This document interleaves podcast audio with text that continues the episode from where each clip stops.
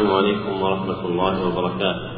الحمد لله رب العالمين رب السماوات ورب الأرض رب العرش العظيم وأشهد أن لا إله إلا الله وحده لا شريك له وأشهد أن محمدا عبده ورسوله صلى الله عليه وعلى آله وصحبه وسلم تسليما مزيدا أما بعد فهذا المجلس الثاني من الدرس الثالث من برنامج اليوم الواحد الثامن والكتاب المقروء فيه هو التوبيخ والتنبيه للحافظ أبي الشيخ الأصبهاني رحمه الله. وقد انتهى من البيان إلى حديث المؤمن للمؤمن كالبنيان. نعم. الحمد لله رب العالمين والصلاة والسلام على أشرف الأنبياء والمرسلين. قال المصنف رحمه الله وغفر له ولشيخنا ونفعنا بعلومهما. أخبرنا أحمد بن الحسين قال حدثنا علي بن المديني. صار هذه الحذاء أحمد بن الحسين الحذاء نعم. الله قال أخبرنا أحمد بن الحسين الحذاء قال حدثنا علي بن المديني قال حدثنا أبو أحمد قال حدثنا بريد بن عبد الله عن أبي بردة عن أبي موسى قال قال النبي صلى الله عليه وسلم المؤمن للمؤمن كالبنيان يسد بعضه بعضا. هذا الحديث مخرج في الصحيحين من حديث بريد بن عبد الله به. وقوله صلى الله عليه وسلم المؤمن للمؤمن كالبنيان ليس في شيء من طرقه المرصوص كما في بعض التأليف من ذكر هذه الزيادة لا أصل له وإنما الحديث المؤمن للمؤمن كالبنيان يشد بعضه بعضا. ومن لطائف الاتفاق أن النبي صلى الله عليه وسلم شبه الدين كله بالبناء. وذلك في حديث ابن عمر في الصحيحين بني الإسلام على خمس فجعل الإسلام كالبناء الذي يقوم على خمسة أركان وشبه في هذا الحديث حال المؤمنين الداخلين في الإسلام بالبنيان يشد بعضه بعضا لأن البنيان من أقوى ما تعرفه العرب من الأشياء التي كانت في حياتها. فمثل لهم تقريبا لأذهانهم وتعظيما لشأن هذا الدين ومن يدخل فيه. وقوله صلى الله عليه وسلم يسد بعضه بعضا إشارة إلى قيام بعضهم بشأن بعض. فإن المؤمنين لا تقوم لهم قائمة إلا بالتعاون على البر والتقوى ولذلك أمروا به كما قال تعالى وتعاونوا على البر والتقوى والناس طرا لا تستقيم حياتهم إلا باجتماعهم.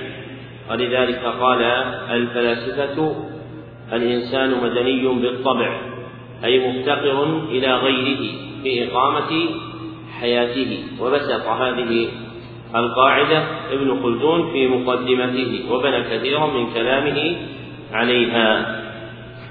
صلى نعم. الله إليكم. قال حدثنا إبراهيم بن محمد بن الحسن قال حدثنا أحمد بن سعيد قال حدثنا ابن وهب قال أخبرني ابن لهيعة عن عن أبي رافع عن محمد بن كعب أن النبي صلى الله عليه وسلم قال إن حقا على المؤمنين أن يتوجع بعضهم لبعض كما يألم الجسد للرأس هذا مرسل ساقط الإسناد فإن محمد بن كعب هو القرظي أحد صغار التابعين والإسناد إليه ضعيف. ويغني عن هذا الحديث في توجع المسلمين بعضهم لبعض ما في الصحيحين من حديث النعمان بن بشير رضي الله عنهما أن النبي صلى الله عليه وسلم قال مثل المسلمين في توادهم وتعاطفهم وتراحمهم كمثل الجسد الواحد.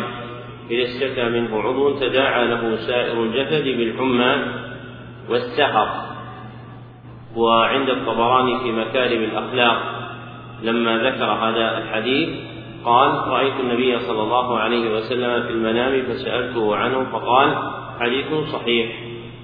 نعم. أحسن الله إليكم. قال حدثني ابن لهيعة عن محمد بن زيد عن محمد بن زيد بن مهاجر أن النبي صلى الله عليه وسلم قال المؤمن مرآة أخيه كمنزلة اليدين لا غنى لأحدهما عن الأخرى. قوله رحمه الله تعالى قال حدثني ابن لهيعة أي بالإسناد المتقدم فإنه تركه اختصارا فهو ليس معلقا بل هو موصول بالسند المتقدم. وعلامة هذا الجنس عند المحدثين أن يكون أحد الرواة المذكورين في الإسناد الثاني متقدم الذكر في الإسناد الأول والبخاري يصنع هذا فهذا الإسناد مروي بالإسناد المتقدم وهو إسناد ضعيف كما أنه مرسل فمحمد بن زياد بن مهاجر ليس صحابيا. والجملة الأولى ستأتي من حديث أبي هريرة رضي الله عنه المؤمن مرآة المؤمن. وأما الزيادة في الجملة الثانية في قوله كمنزلة اليدين لا غنى لأحدهما عن الأخرى فهذه لا تعرف بشيء من الأحاديث الصحيحة. وقد أخذ هذا المعنى أبو العباس بن تيمية الحفيد رحمه الله تعالى فقال المؤمن للمؤمن كاليدين تغسل إحداهما الأخرى وقد لا ينقع الوسخ إلا بشيء من التخشين. وجماعة من المتكلمين في أبواب الرقائق والسلوك من المتأخرين كأبي طالب المكي وأبي حامد الغزالي وأبي العباس بن تيمية وأبي عبد الله بن القيم وأبي الفرج ابن رجب يبنون كلاما لهم على أحاديث ضعيفة يصيرونها إنشاء من عندهم. وهذا من أحسن المآخذ في بيان الحق. فإن الأحاديث الضعيفة إذا كانت معانيها صحيحة لا تطرح وقد تحول فتجعل من كلام العالم. كهذا الأخذ الذي أخذه أبو العباس بن تيمية من هذا الحديث وهذا يوجد عند الشعراء والأدباء كثيرا فإنهم يقتبسون من مقالات العرب وينتحلون من أشعارهم ويغيرون في معانيها فهو أمر سائغ. نعم. أحسن الله إليكم. قال حدثنا عبد الرحمن بن الحسن قال حدثنا إسحاق بن وهب قال حدثنا يعقوب بن الزهري قال حدثنا عبد العزيز بن أبي حازم عن كثير بن زيد عن وليد بن رباح عن أبي هريرة رضي الله عنه قال يعقوب وحدثنا أبو مالك الهذلي عن محمد بن عمار عن شريك بن أبي عن شريك بن أبي نمر عن أنس قال قال رسول الله صلى الله عليه وسلم المؤمن مرآة المؤمن. هذا الحديث إسناده ضعيف وقد أسنده المصنف من طريقين مخرجهما يعقوب.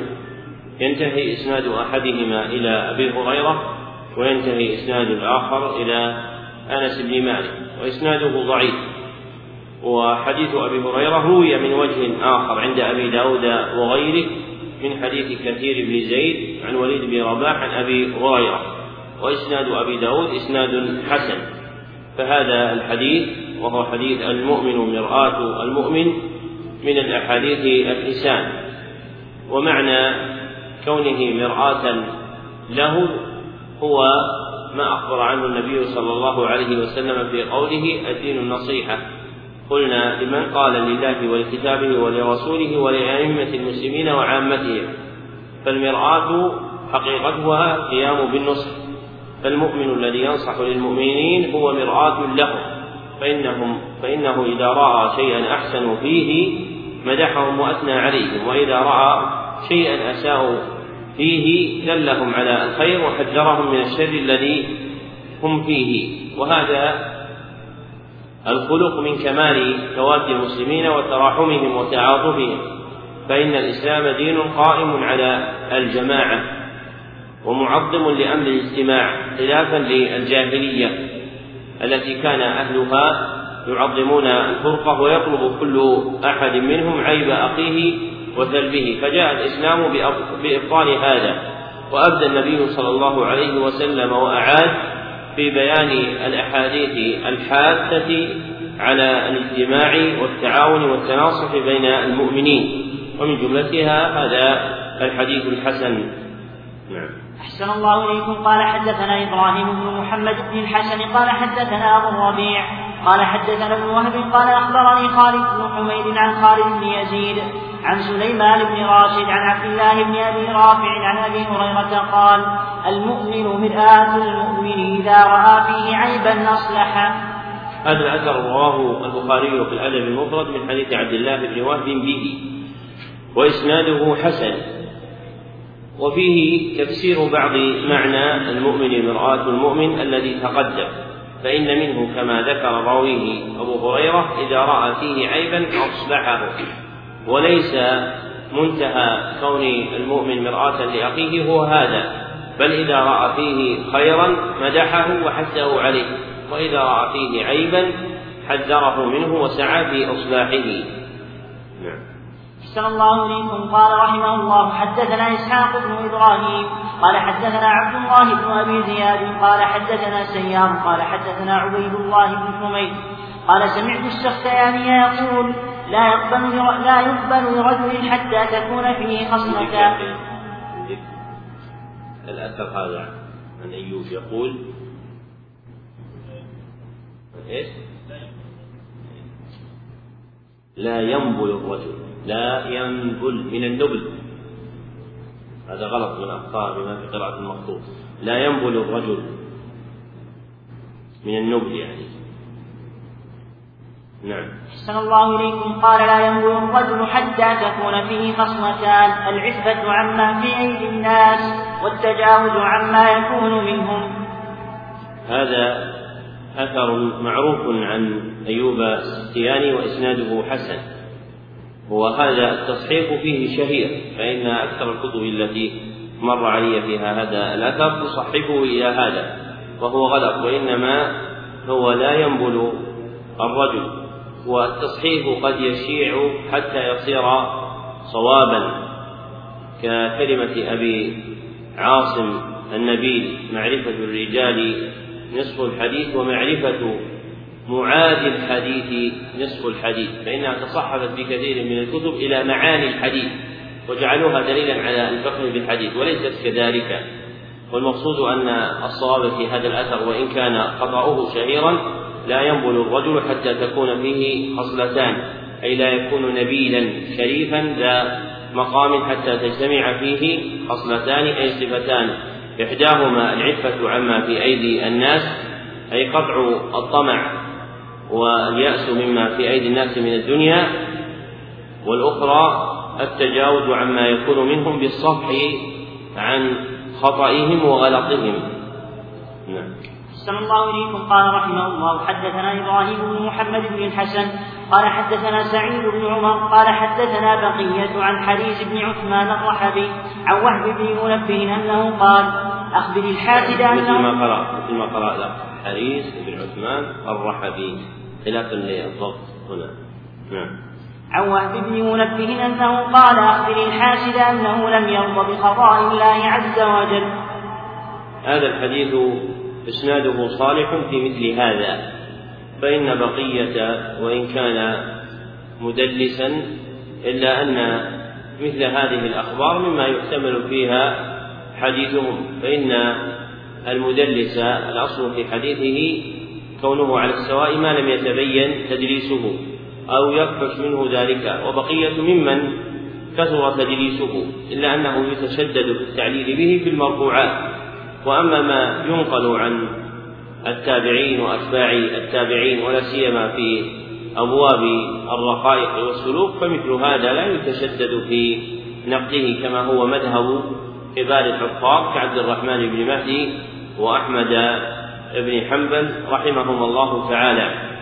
ومعنى قول وهب بن منبه أخبر الحاسد أنه لم يرضى بقضاء الله عز وجل لأن حقيقة الحسد كما تقدمت هي كراهية وصول النعمة إلى أحد من الخلق وذلك واقع بقدر الله وقضائه والحاسد الذي لم يقنع بهذا متسخط على قدر الله منازع لقضائه.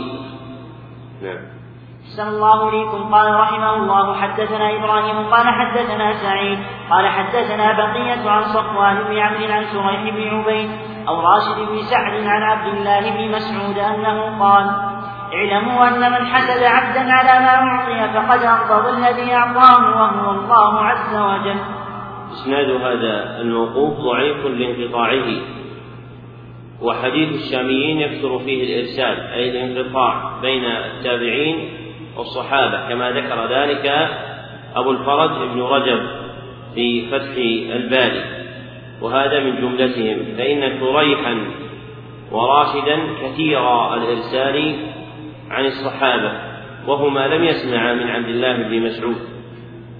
ومعنى ما جاء في هذا الأثر فقد أغضب الذي أعطاه لأنه اعترض على قضائه وقدره فإن الذي قسم المعيشة بين الخلق هو الله سبحانه وتعالى. كما قال تعالى نحن قسمنا بينهم معيشتهم في الحياة الدنيا فالذي يحسد أحدا على ما عنده من النعمة معترض على قضاء الله عز وجل في قسمته. نعم. صلى الله إليكم. قال رحمه الله حدثنا محمد بن أحمد بن معدان قال حدثنا الربيع بن سليمان قال حدثنا شعيب بن الليث قال حدثنا أبي عن ابن عجلان عن وافد بن سلامة عن يزيد الرقاشي عن أنس بن مالك عن رسول الله صلى الله عليه وسلم قال إن الحسد يأكل الحسنات كما تأكل النار الحطب. هذا الحديث إسناده ضعيف. ورواه ابن ماجه من وجه آخر لا يصح. وروي من حديث جماعة آخرين من الصحابة لا يثبت منها شيء. فالرواية في هذا الباب ضعيفة واهية لا تتقوى بمجموعها. وفي هذا الحديث لو صح تعظيم مغبة الحسن وعظيم شرره وأنه يأكل الحسنات كما تأكل النار الحطب. وأكل النار الحطب فيه تشبيه من جهتين. إحداهما أنها تأتي عليها جميعا فالنار إذا أوقدت الحطب أتت عليه. والأخرى سرعة ذلك فإن النار إذا أخذت في طرف الحطب وإذا هي قد بلغت طرفه الآخر. فكذلك يكون الحسد آكلا للحسنات على هذا النحو فهو يأتي عليها جميعا بسرعة عظيمة. وهذا الحال ولو لم يثبت الحديث وهذه الحال ولم لو يثبت الحديث هو الأصل في ذنوب القلوب. فإن ذنوب القلوب أعظم وبالا وأشد عذابا من ذنوب الأبدان. ومن حكمة الشريعة أن ذنوب الأبدان رتبت عليها الحدود والعقوبات. وأما ذنوب القلوب فإنها تجعل فإنه تجعل عقوبتها في الآخرة. وإنما كانت كذلك لعظمها. فإن ذنوب القلوب عظيمة. ولا يطهرها إن لم يتب العبد منها إلا النار. كما قال جماعة من السلف وأخذ هذا المعنى ابن القيم إنما جعلت النار لإذابة القلوب القاسية. فالقلوب القاسية المليئة بذنوب القلب كالحسد والغل والغش والخديعة والمكر والحيلة لا ينتفي عنها النجس إلا بإحراقها بالنار بخلاف من أصاب ذنبا من ذنوب الأبدان السرقة أو الزنا أو غير ذلك فإنه يعاقب بعقوبة ظاهرة هي الحدود المذكورة وأسرار التشريع باهرة جليلة. ومن جملتها هذه النكتة التي ذكرتها لك في تفريق الشريعة بين ذنوب القلب والبدن في العقوبات المرتبة عليها. نعم. أحسن الله إليكم قال رحمه الله حدثنا عبد الرحمن بن حدثنا عبد الرحمن بن الحسن. قال حدثنا إسحاق بن وهب العلام قال حدثنا يعقوب الزهري. قال حدثنا ابن أبي فديك عن عيسى بن أبي عيسى. قال حدثنا ابن أبي فديك عن عيسى بن أبي عيسى عن الشعبي عن أنس بن مالك قال قال رسول الله صلى الله عليه وسلم الحسد يأكل الحسنات كما تأكل النار الحطب.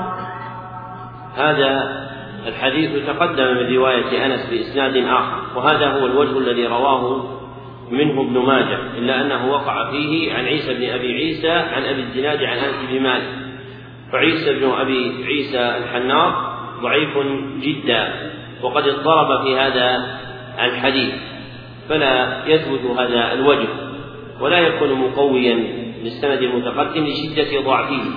وروي له شاهد من حديث أبي هريرة بسند لا يصح عند أبي داود والحديث لا يتقوى بمجموع طرقه. نعم.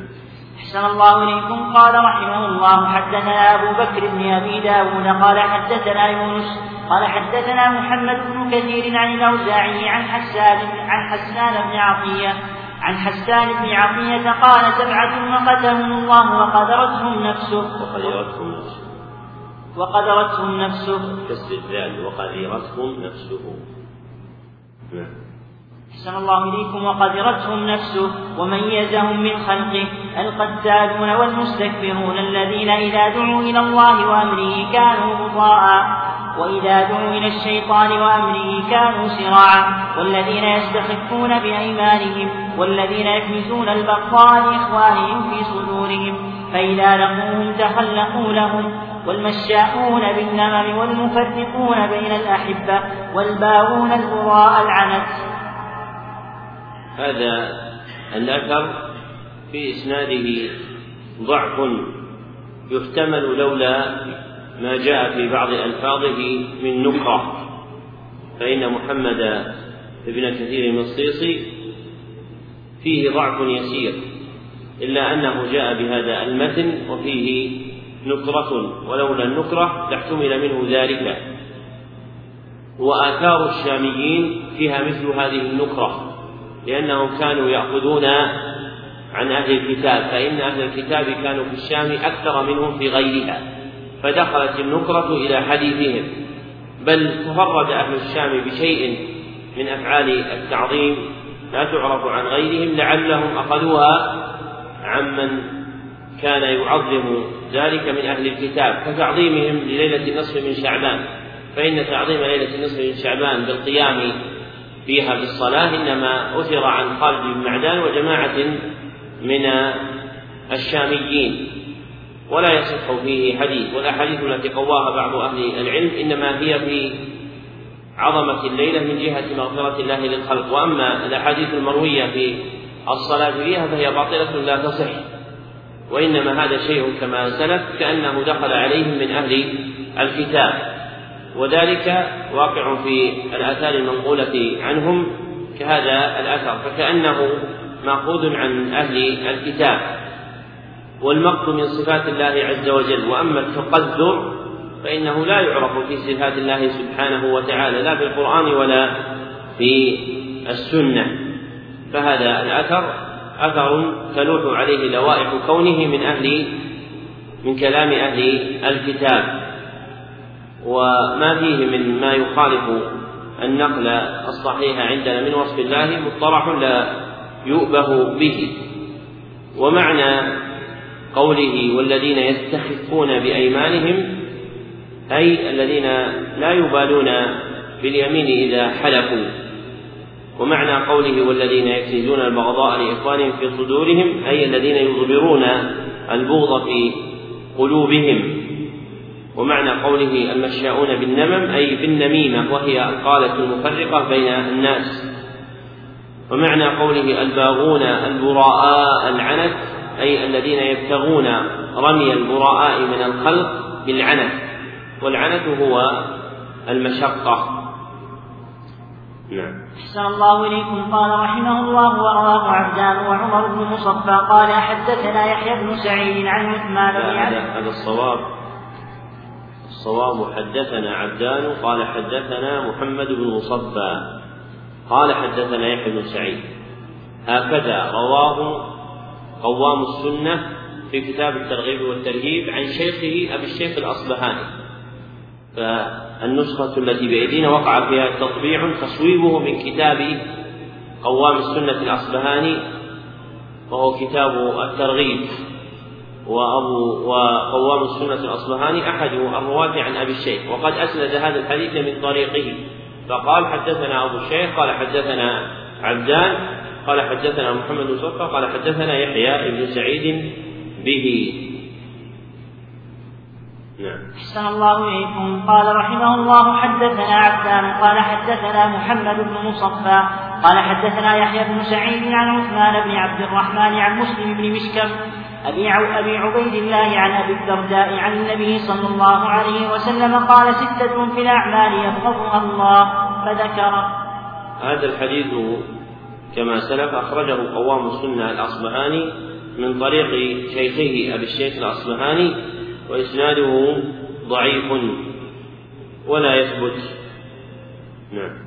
أحسن الله إليكم. قال رحمه الله حدثنا إسحاق بن إبراهيم قال حدثنا أحمد بن منيع قال حدثنا يزيد بن هارون قال حدثنا شيبان وأبو معاوية عن يحيى بن أبي كثير عن يعيش بن الوليد بن هشام عن الزبير بن العوام قال قال النبي صلى الله عليه وسلم دب إليكم داء الأمم قبلكم الحسد والبغضاء والبغضاء هي حالقة الدين لا حالقة الشعر. هذا الحديث رواه الترمذي من حديث يعيش بن الوليد إلا أنه وقع فيه أن شيخه مولى لآل الزبير فرواه الترمذي من حديث يعيش عن مولى لآل الزبير عن الزبير وهذا هو المحفوظ فيه فإسناده ضعيف لجهالة مولى الزبير وروي من وجوه لا تصح. والمحفوظ في هذا الباب أحسنه ما رواه الترمذي من حديث أبي هريرة رضي الله عنه أن النبي صلى الله عليه وسلم قال إياكم وسوء ذات البين فإنها الحالقة. وذكر الترمذي تفسير سوء ذات البين بأنها العداوة والبغضاء. وقد رواه الخرائطي في مساوئ الأخلاق بلفظ إياكم والبغضة فإنها الحالقة والبغضة هي سوء ذات البين أي البغضاء التي تكون بينكم. وقوله هي حالقة الدين أي الذي تذهب به وتزيله عنكم لا حالقة الشعر.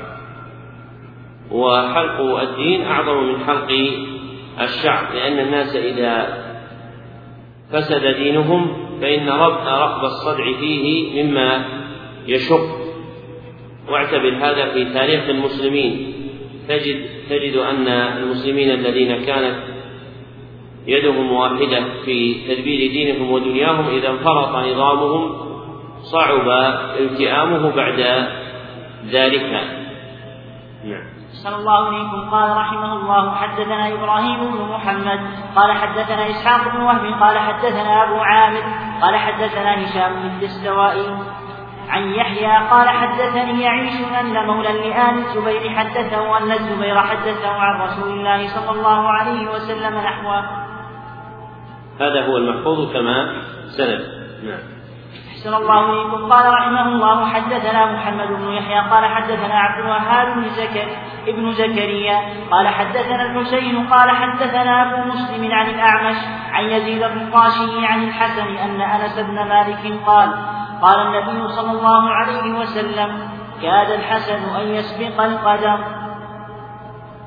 هذا الحديث روي من وجوه عن يزيد الرقاشي منها روايته عن الحسن عن أنس ومنها روايته عن أنس نفسه ويزيد الرقاشي من أصحاب أنس بن مالك إلا أنه أحد الضعفاء الراوين عنه.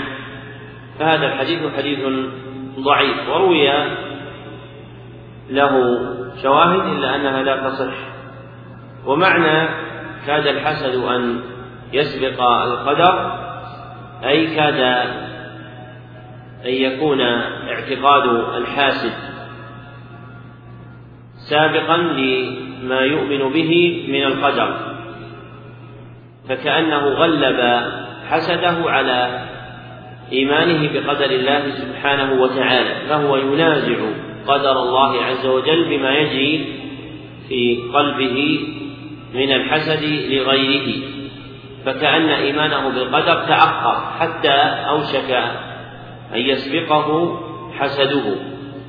وليس معنى هذا الحديث كما يفهمه العامة أن الحسد يسبق في تأثيره تقدير الله سبحانه وتعالى فإن هذا معنى لا قائل به من أهل العلم وإنما معنى الحديث كما ذكره من القدامى الكلابادي رحمه الله ثم ذكره غيره هو على الوجه الذي ذكرناه.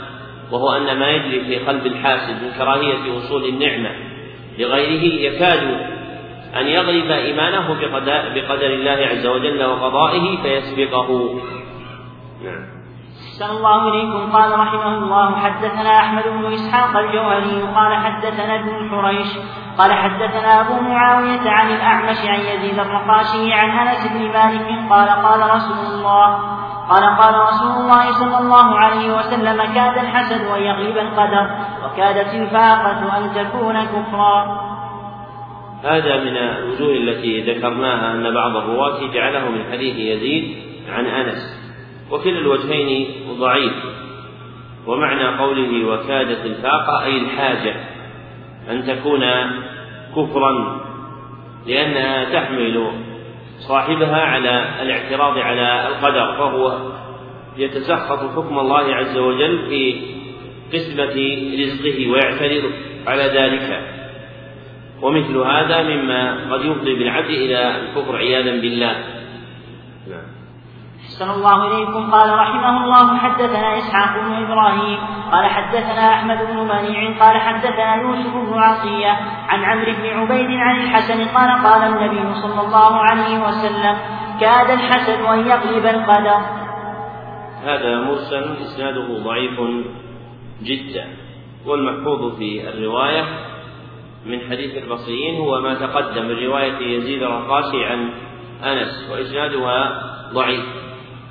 وأنس بن مالك مما يخطئ رواة البصرة في حديثه فإن منهم من يجعل مراسل الحسن موصولة من حديث أنس بن مالك فيرويها عن الحسن عن أنس ومنهم من يجعلها من رواية يزيد الرقاشي عن أنس ويعدل عن مرسل الحسن وهذا من تخليط البصريين في حديثه رضي الله عنه.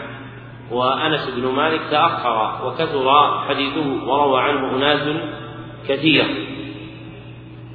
نعم.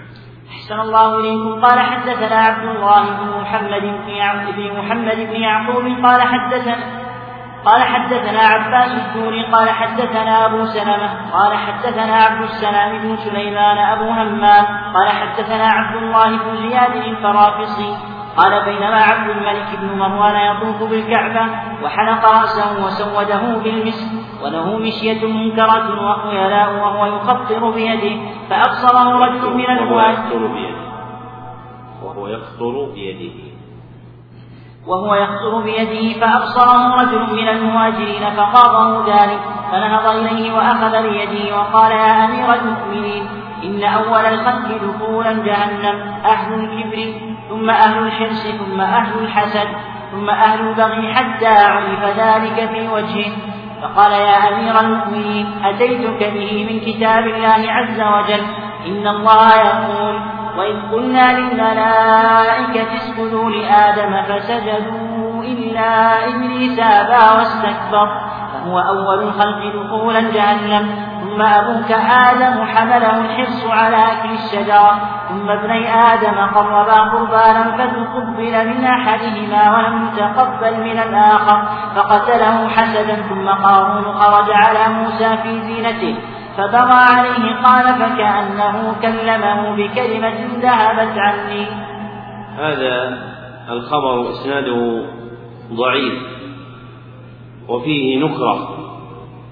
فإن المهاجرين أهل أدب وعفة في ألسنتهم ولا يتصور من أحدهم أن يقرن ذكر آدم عليه الصلاة والسلام بمن ضل من ذريته من أبنائه وقارون. ففي ذلك نوع تنقص لنبي الله آدم عليه الصلاة والسلام. فتصحيح هذا الأثر بعيد. ومعنى قوله وهو يخطر بيده أن يحركها مشرفا لها رافعا لها تائها في مشيته متبخترا. ومعنى قوله رجل من المهاجرين أي من أصحاب النبي صلى الله عليه وسلم. وهذه اللفظة مجعولة للدلالة عليهم. ومعنى قوله حتى عرف ذلك بالبناء المجهول أي عرفت كراهيته بكلامه الذي قال له. فتغير وجه عبد الملك من مقالة الرجل. وهذه الجملة مما يعبر بها للدلالة على تغير الوجه. فيقال حتى عرف ذلك في وجهه أي بما لحقه من تغير. ومنه في حديث جبير بن مطعم عند أبي داود حتى عرف ذلك في وجوه أصحابه أي عرفت الكراهية بتغير وجوههم.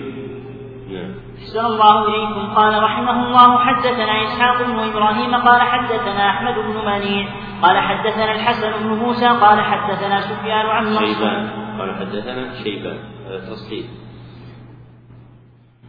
أحسن الله إليكم. قال حدثنا الحسن بن موسى قال حدثنا شيبان عن منصور عن مجاهد عن جنادة بن أبي أمية قال إن أول خطية كانت الحسد إن أول خطيئة كانت الحسد حسد إبليس آدم أن يسجد له فحمله الحسد على المعصية. هذا الأثر إسناده صحيح وفيه تعظيم خطر الحسد وهو أنه أول خطية عصي الله سبحانه وتعالى بها. لما حسد إبليس آدم فإن الله عز وجل أمره أن يسجد لآدم فحمله الحسد لآدم على ما وهبه الله عز وجل من مقام كريم على أن يعصي الله سبحانه وتعالى فأبى واستكبر. نعم. أحسن الله إليكم. قال رحمه الله حدثنا محمد بن أحمد بن أصباط قال حدثنا إسماعيل بن أبي الحارث قال حدثنا روح قال حدثنا حماد بن سلمة قال حدثنا حميد قال قلت للحسن يا أبا سعيد هل يحسد هل يحسد هل يحسد المؤمن؟ هل يحسد المؤمن؟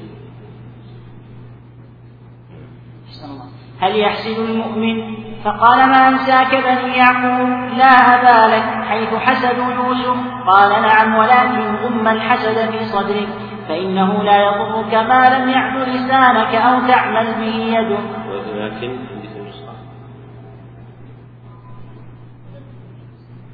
غم؟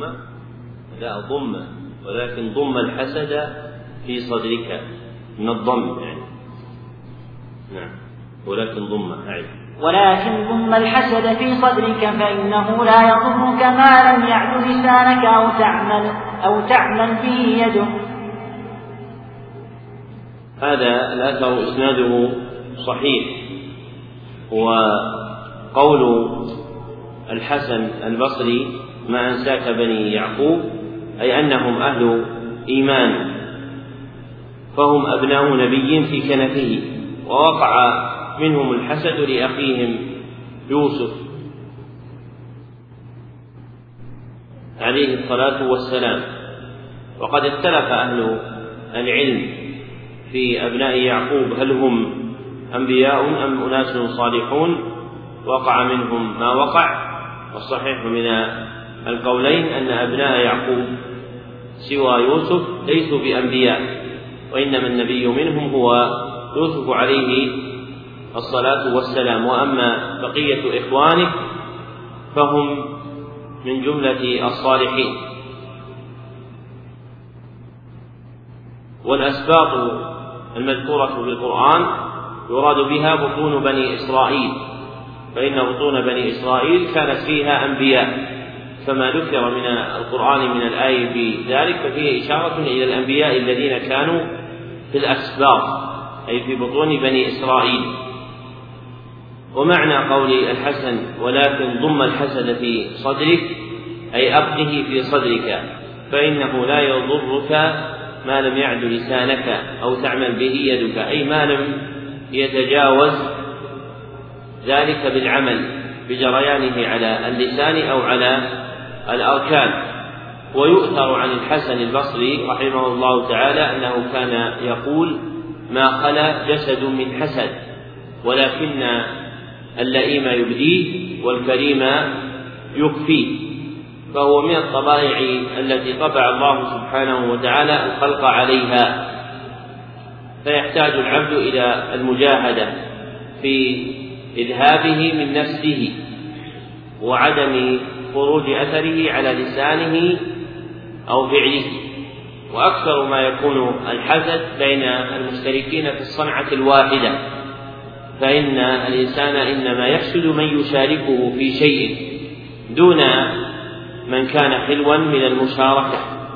وأكثر ما يكون الحسد بين المشتركين في من يسعون في اشتراكهم إلى طاعة الله عز وجل. فإن الشيطان ينصب لهم حبائل الكيد بإيقاع الحسد بينهم لتفريقهم ولذلك يوجد الحسد في المنتسبين إلى العلم أكثر من غيرهم. لأن العلم هو أشد شيء على الشيطان والشيطان يروم أن ينصب أن ينصب لطلابه حبائل الكيد بالحسد ليفرقهم. ومن مأثور القول بيع الحسد في السوق فاشتراه العلماء. وهذا القول مع شهرته عند أرباب السلوك وأحوال النفوس ففيه نظر. فإن هذا حال العلماء الناقصين. وأما العلماء الكاملون فإنهم لا يرفعون إليه رأسا ويستعيذون بالله سبحانه وتعالى عند والدي ويتعاهدون أنفسهم بتطهير قلوبهم من آثاره. وينبغي أن يدمن طالب العلم المحاسبة لنفسه في أمر الحسد.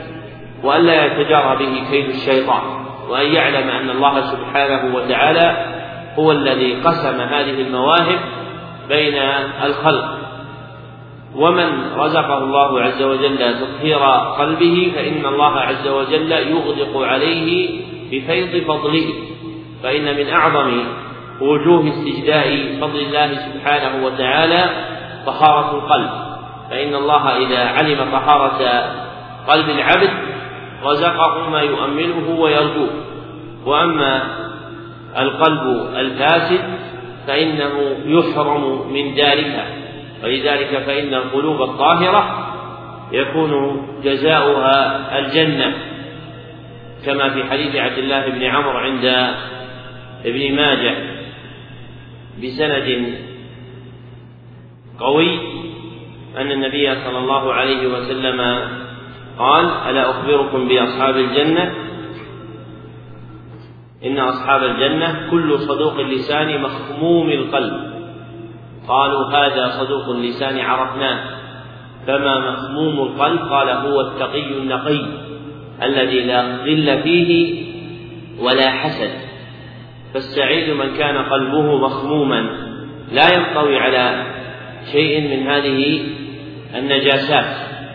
والعاقل يعلم أن ما وهبه فلان أو فلان ليس بمحض قدرته وإنما هو عطاء الله عز وجل له وحسدك إياه لا ينفعك وإنما ينفعك أن تسأل الله سبحانه وتعالى أن يهبك كما وهبه بل فوق ما وهبه.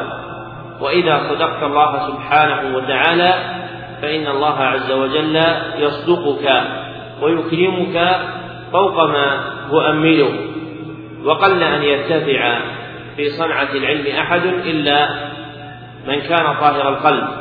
كما قال الأوزاعي لا ينتفع في هذه الصنعة إلا صادق أي صادق في أمره كله ومن جملة صدقه أن يكون طاهر القلب. لا يشتمل قلبه على حسد ولا غل ولا عتب ولا مطالبة لأحد الخلق. بل حالة كما قال أبو العباس بن تيمية الحفيد العارف لا يطالب ولا يعاتب ولا يغالب فهو لا يطالب الخلق بشيء ولا يغالبهم في شيء ولا يعاتبهم على شيء لأن نظر قلبه هو إلى الله سبحانه وتعالى وليس نظره إلى الخلق. ومن اشتغل بالخلق شقي ومن صرف نظر قلبه وقبلة وجهه عنهم رزق السعادة فإن الخلق لا ينفعونه بل يصدونه عن الله سبحانه وتعالى. ومن هنا قال عبد الله بن عون رحمه الله تعالى ذكر الله دواء وذكر الناس داء وأنا أقول وذكر الناس شقاء وأظنها أيضا مأثورة عن مكحول الشامي رحمه الله تعالى فإن الذي يتعب قلبه بتتبع الناس فيما يحصلون وما يفعلون وما يقولون يشقى قلبه بهم. وقلبك لا ينبغي أن يكون ممتلئا إلا بمحاب الله عز وجل ومراضيه. ومن هنا جاء في بعض الآثار الإسرائيلية القلب بيت الرب.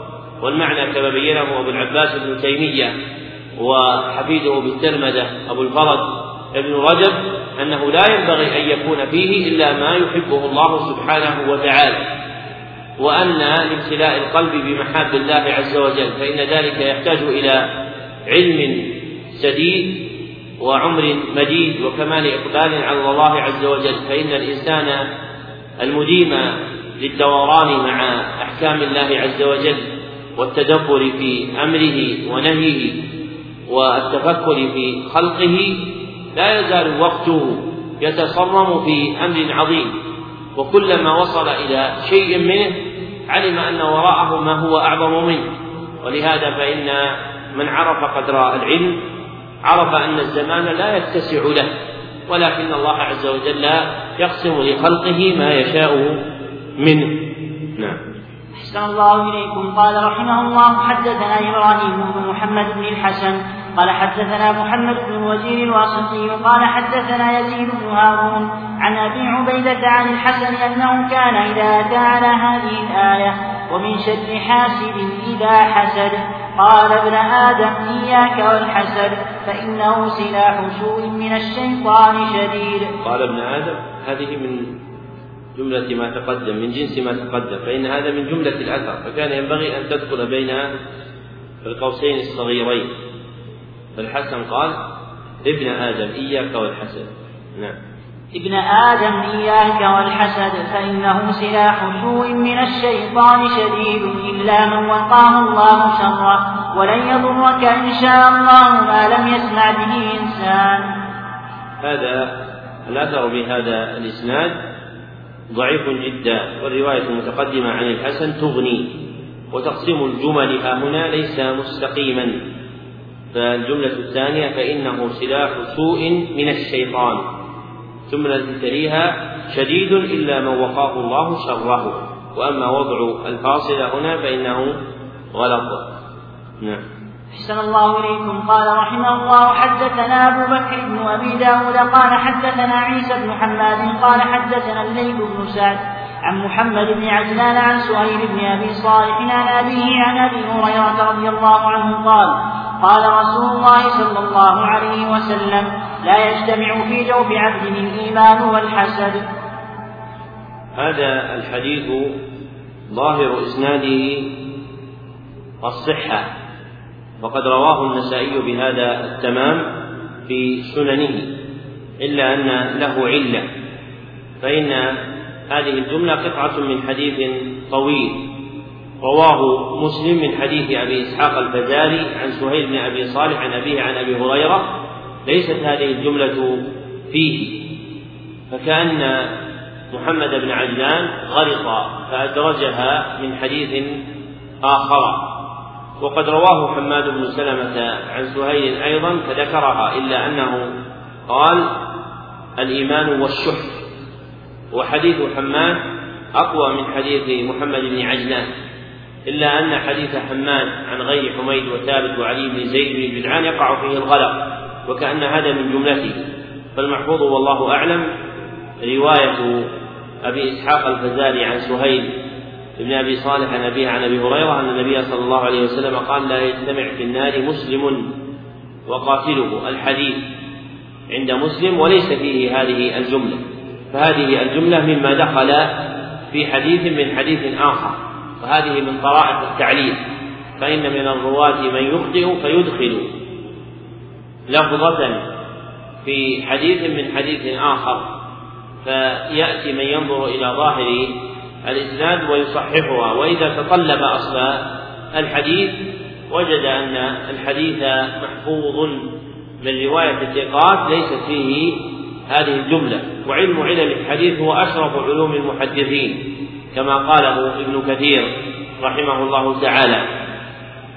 فينبغي أن يحرص آخذ الحديث على أن يتمخر فيه ولا يمكن التمخر في هذه الصنعة إلا بكثرة الحفظ وإدمان النظر في كتب العلل مع عدم الاستقلال والاستعجال ومراجعة أهل الفهم في هذه الصنعة.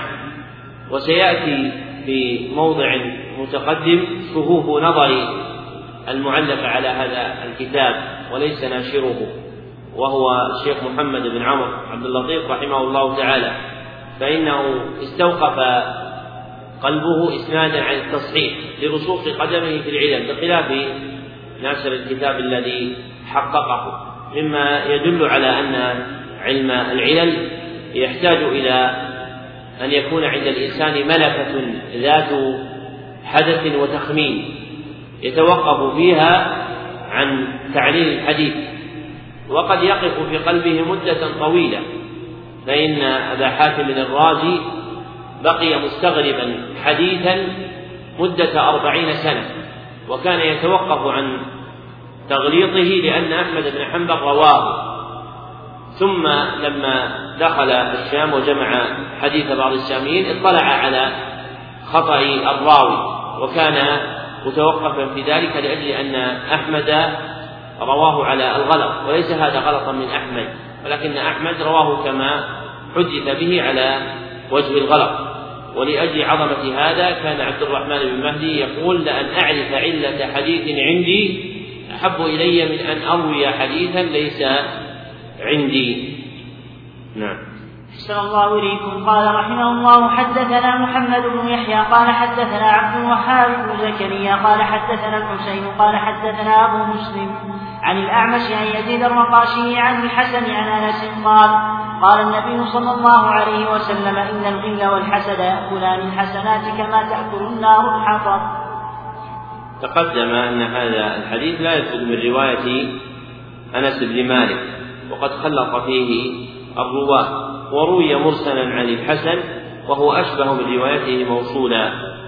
نعم. صلى الله إليكم. قال رحمه الله حدثنا الوليد بن أبان قال حدثنا إسحاق بن إبراهيم قال حدثنا سعد بن الصلت عن الأعمش عن الرقاشي عن أنس بن مالك قال قال رسول الله صلى الله عليه وسلم كاد الفقر يكون كفرا وكاد الحسن يغلب القدر. حدثنا محمد بن العباس بن أيوب قال حدثنا بندار قال حدثنا عباد بن زكريا قال حدثنا عوف قال وجدت في كتاب وهب بن منبه أن الحا أن للحاسد ثلاث علامات يتملق إذا شهد ويغتاب إذا غاب ويشمت بالمصيبة. هذا الأثر في إسناده من لم يعرف وهو عباد بن زكريا إلا أن أبا نعيم الأصبهاني رواه في الحلية من وجه آخر. في مجموع الطريقين يكون هذا الأثر مندرجا في جملة الحسان. وعوف وعوف بن أبي جميلة الأعرابي. وقوله وجدت في كتاب وهب بن منبه وهب بن منبه أحد علماء أهل الكتاب من أهل اليمن الذين دخلوا في الإسلام وهو من التابعين. فهذا من الأحاديث الإسرائيلية التي حفظت من كتب بني إسرائيل. ومعنى قوله أن للحاسد ثلاث علامات يتملق إذا شهد أي إذا لقي أحدا في عالم الشهادة أظهر له الود متملقا له متقربا منه. وإذا غاب عنه اغتابه كما قال ويغتاب إذا غاب. وإذا نزلت به مصيبة فرح بها وهذا معنى قوله ويشمت بالمصيبة فإن الشماتة بالمصيبة هي الفرح بنزولها على من نزلت عليه. نعم. أحسن الله إليكم. قال رحمه الله حدثنا الحسن بن محمد التاجر. قال حدثنا إسحاق بن إبراهيم شاذان قال حدثنا أبو داود الطيالسي قال حدثنا شعبة عن أبي رجاء عن الحسن في قوله ولا يجدون في صدورهم حاجة مما أوتوا قال هو الحسن. هذا الأثر عن الحسن رواه ابن أبي شيبة من وجه آخر عن شعبة وإسناده صحيح. والحسن له كلام حسن في تفسير كلام الله وفي أبواب الرقائق. وقد قال فيه محمد بن جعفر بن محمد بن علي بن الحسين رحمه الله إن كلامه يشبه كلام الأنبياء. ذكره الذهبي في سير أعلام النبلاء. وقد فسر الحسن البصري الحاجة المذكورة في قوله تعالى ولا يجدون في صدورهم حاجة مما أوتوا بالحسد وهي واحدة مما يوجد في الصدر. فكل شيء وجد في الصدر فإنه ينفى عنهم ولا يختص بالحسد. لكن الحسن ذكره لأنه من أعظم الأمور التي تكون في الصدور إذا وقع الإيتاء والإعطاء. فإنه إذا وقع لأحد عطاء وإيتاء حسده غيره. ولذلك فإن تخصيصه بالنفي لأجل عظمته. والسلف رحمهم الله تعالى قد يذكرون بعد بعض أفراد العام في تفسيرهم تنبيها لمقامه كهذا الأثر. نعم. أحسن الله إليكم. قال رحمه الله حدثنا محمد بن خلف. نعم. بياض وكيع. قال حدثنا محمد بن جعفر. عندك إيش؟ محمد بن خلف. وكيع. ما في حدث. إيه هو لقب هذا. محمد بن خلف هذا وكيع صاحب كتاب القضاء. حدثنا محمد بن خلف وكيع. نعم. أحسن الله إليكم. قال رحمه الله حدثنا محمد بن خلف وكيع. قال حدثنا محمد بن جعفر. قال حدثنا يحيى. قال حدثنا ابن السكن ابن السكن. حدثنا يحيى ابن السكن. أحسن الله إليكم. قال حدثنا يحيى بن السكن. قال حدثنا شعبة عن محمد بن إسحاق. عن محمد بن إسحاق عن علقمة عن علقمة بن أبي علقمة عن أبي هريرة رضي الله عنه قال قال رسول الله صلى الله عليه وسلم في المؤمن ثلاث خصال الطيرة والظن والحسد. فمخرجه من الطيرة أن لا يرجع ومخرجه من الظن أن لا يحقق ومخرجه من الحسد أن لا يبغي. هذا الحديث رواه أيضا ابن أبي الدنيا في ذم الحسد. وإسناده ضعيف. وروي من غير هذا الوجه ولا يثبت أيضا. فالرواية في هذا الباب لا تثبت. وقوله فيه في المؤمن ثلاث خصال فيه نكرة.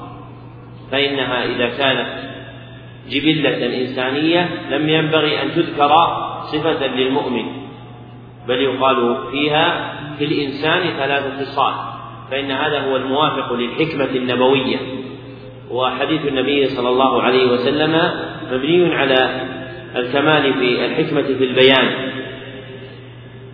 فقوله في المؤمن ثلاث خصال يفضي إلى انتقاص أهل الإيمان.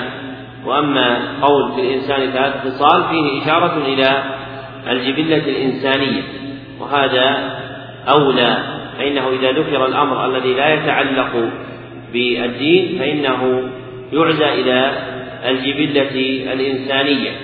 كما جاء في القرآن الكريم كقوله تعالى يا أيها الإنسان ما غرك بربك الكريم فإن الحكمة لا تقتضي أن يقال يا أيها المؤمن ما غرك بربك الكريم فإنها لا تناسب حال المؤمن. وكذلك هذا الحديث. ففي هذا اللفظ نكرة. وأهل الحديث بحمد الله لهم يد مبسوطة في تعليل المتون لا كما يقوله المستشرقون وأذنابهم من أن أهل الحديث إنما يجرون على ظاهر الأسانيد فإن هذه ليست صنعة العارفين بالحديث بل كتب أهل الحديث مليئة بتعليل المتون إلا أن الفهم في هذا الباب ليس لكل أحد وإنما يصلح له في القرون الواحد الواحدة بعد الواحد كما ذكره ابن رجب رحمه الله تعالى في كتاب الرد على ما خرج عن المذاهب الأربعة وفي شرح العلل. ولا ينبغي أن يبسط يده ويرسل لسانه في الكلام في هذا إلا من كان عنده نور في فهم معاني الشريعة ومقاصدها. وأما من لم يطل طلبه للعلم ولم يدمن اعتياد الأحاديث النبوية بكثرة النظر فيها فإنه لا ينبغي أن يجازف بهذا.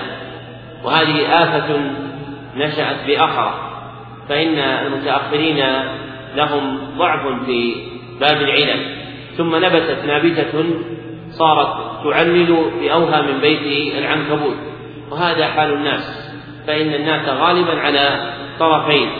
فتجد من هؤلاء من يتكلم في تعليل الآثار والأخبار ولا يفهم وجهها كما قال بعضهم في حديث في أثر بكر بن عبد الله المزني ما سبقهم أبو بكر بكثرة صلاة ولا صيام وإنما بشيء وقر في القلب فزعم أن هذا الأثر منكر لما ثبت أن أبا بكر كان أكثر الناس صلاة وصياما كما في حديث أيكم أصبح اليوم صائما إلى آخر الحديث وكل ذلك يقول أبو بكر أنا.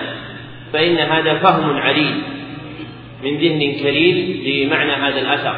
فإن بكرا لم يقصد أن أبا بكر أن أبا بكر الصديق لم تكن له يد طولى في الصلاة وفترة الصيام وإنما أراد أن ينبه إلى الأمر الأعظم وهو ما وقر في القلب. وهذا من طرائق العرب في كلامها لإرادة الإعلام بعظمة أمر ما فهو ينفي شيئا وإن كان متحقق الوجود ليصرف الأنظار إلى المقصود الأكبر. فلا ينبغي أن يجازف الإنسان بالتعليل وإنما ينبغي أن ينظر كثيرا في متون الأحاديث النبوية ويحفظ كثيرا حتى يفهمها. فمثلا حديث لا يؤمن أحدكم حتى يكون هواه تبعا لما جئت به إسناده ضعيف.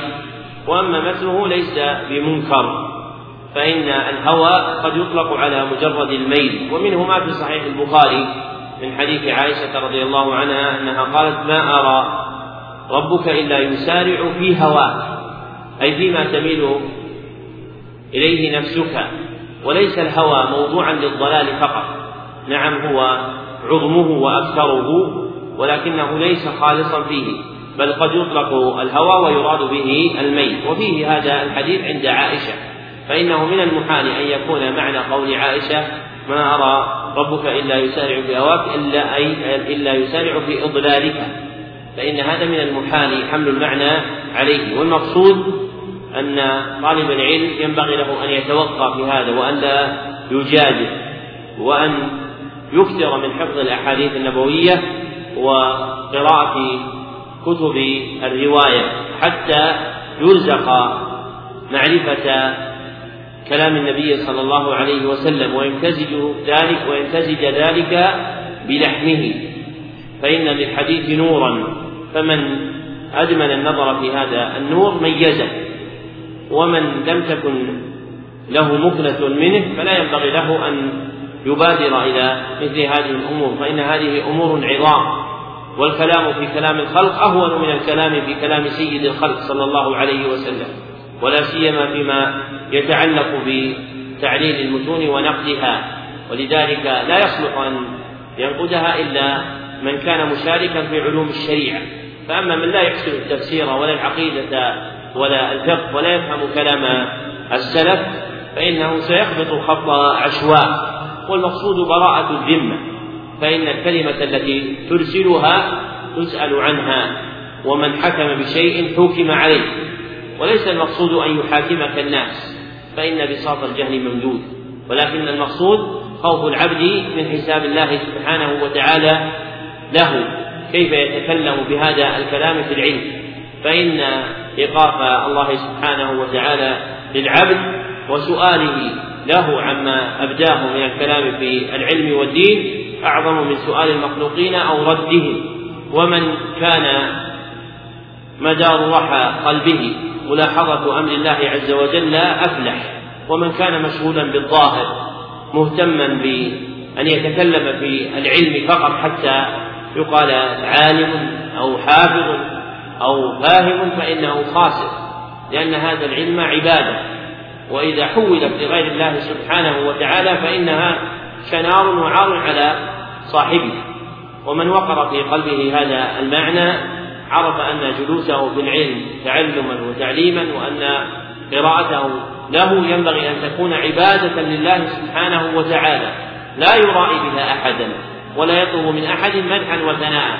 فإنه إذا بلغ هذه المرتبة جعل الله عز وجل له نورا. ومن لم يجعل الله له نورا فما له من نور. كما قال أبو العباس ابن تيمية رحمه الله تعالى من لم يجعل الله له نورا لم تزده كثرة الكتب إلا ضلالا وحيرا. ومثله من لم يجعل الله له نورا لم يزده كثرة التعلم والتعليم إلا حيرة وضلالا. والعلم إنما هو بحسب نور الله عز وجل الذي يفسح الله عز وجل به قلبك ويشرح له صدرك. فإن فتح لك هذا فاعلم أنك تفلح في العلم وإذا كان نور الله سبحانه وتعالى محجوبا عن قلبك فأصلح حالك وأقم نفسك على الصراط السوي. فإنك إذا حاسبت نفسك وتبت لم تؤاخذ بما أسلفت وإذا بقيت خبت. ولذلك مدح السلف رحمهم الله تعالى دوام المحاسبة. وكان منهم من يستحب أن يحاسب الإنسان نفسه في كل يوم.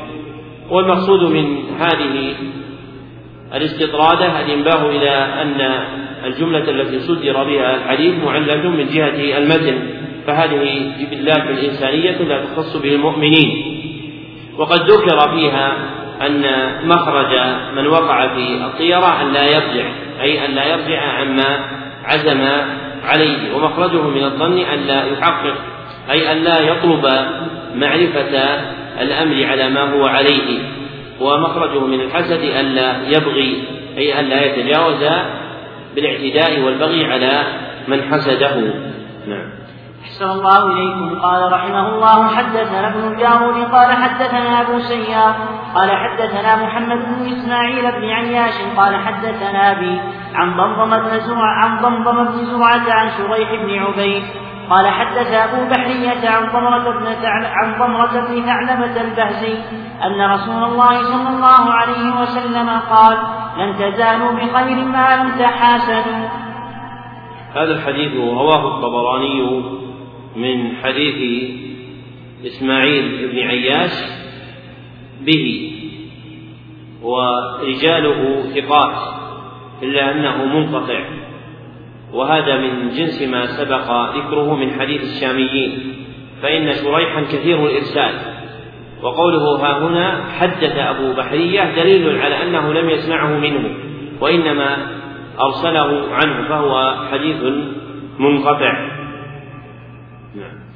الله إليكم. قال رحمه الله حدثنا أبو العباس الجمال قال حدثنا إسماعيل بن يزيد قال حدثنا قتيبة بن مهران قال حدثنا أبو الصباح عن أبي هاشم عن رجل عن رجل قد قرأ الكتب قال إن إبليس لقي موسى فقال إياك والحدة فإني ألعب بصاحب الحدة كما يلعب الصبيان بالأكرة وإياك والحرص وإياك والحرص والحسد فإن الحرص أخرج آدم من الجنة والحسد أنزل والحسد أنزل ابنا له منزلة الأشقياء. عندك هكذا كما يلعب الصبيان الأكرة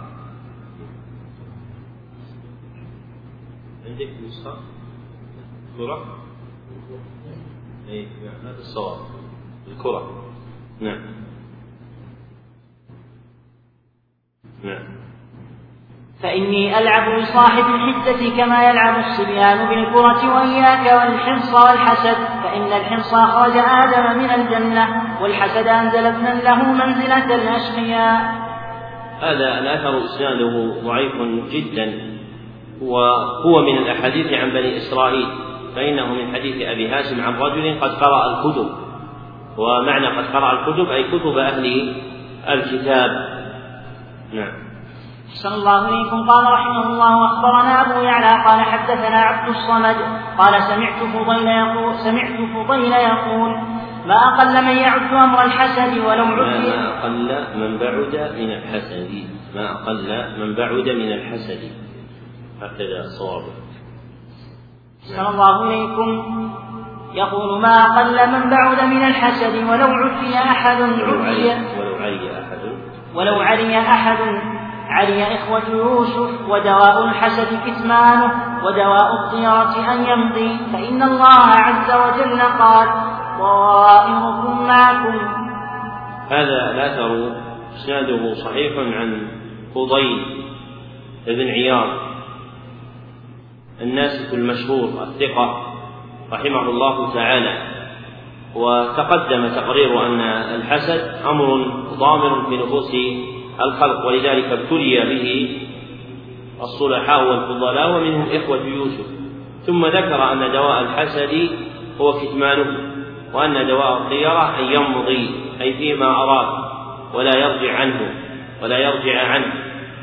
ثم ذكر ما يوجب ذلك وهو قوله تعالى طائركم معكم أي قدركم الذي قدر الله سبحانه وتعالى معكم. فالطيرة بشيء لا تغير من قدر الله سبحانه وتعالى النافذ.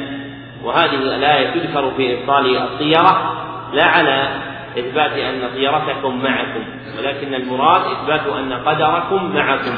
فالقدر الذي قدر الله عز وجل لكم ملازم لكم كما قال تعالى وكل إنسان ألزمناه طائره في عنقه أي قدره الذي قدرناه له ملازم له. نعم.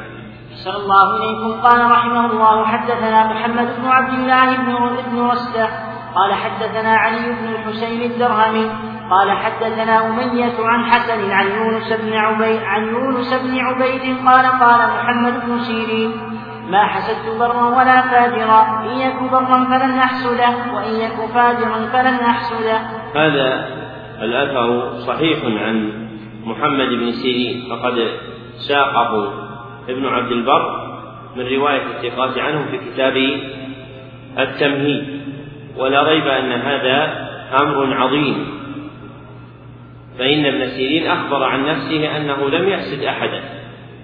وهذا الأثر من جميل ما جعله الله عز وجل متفقا مع ما ذكرت لك فإن ابن سيرين كان قد أوتي نورا في تأويل الرؤيا.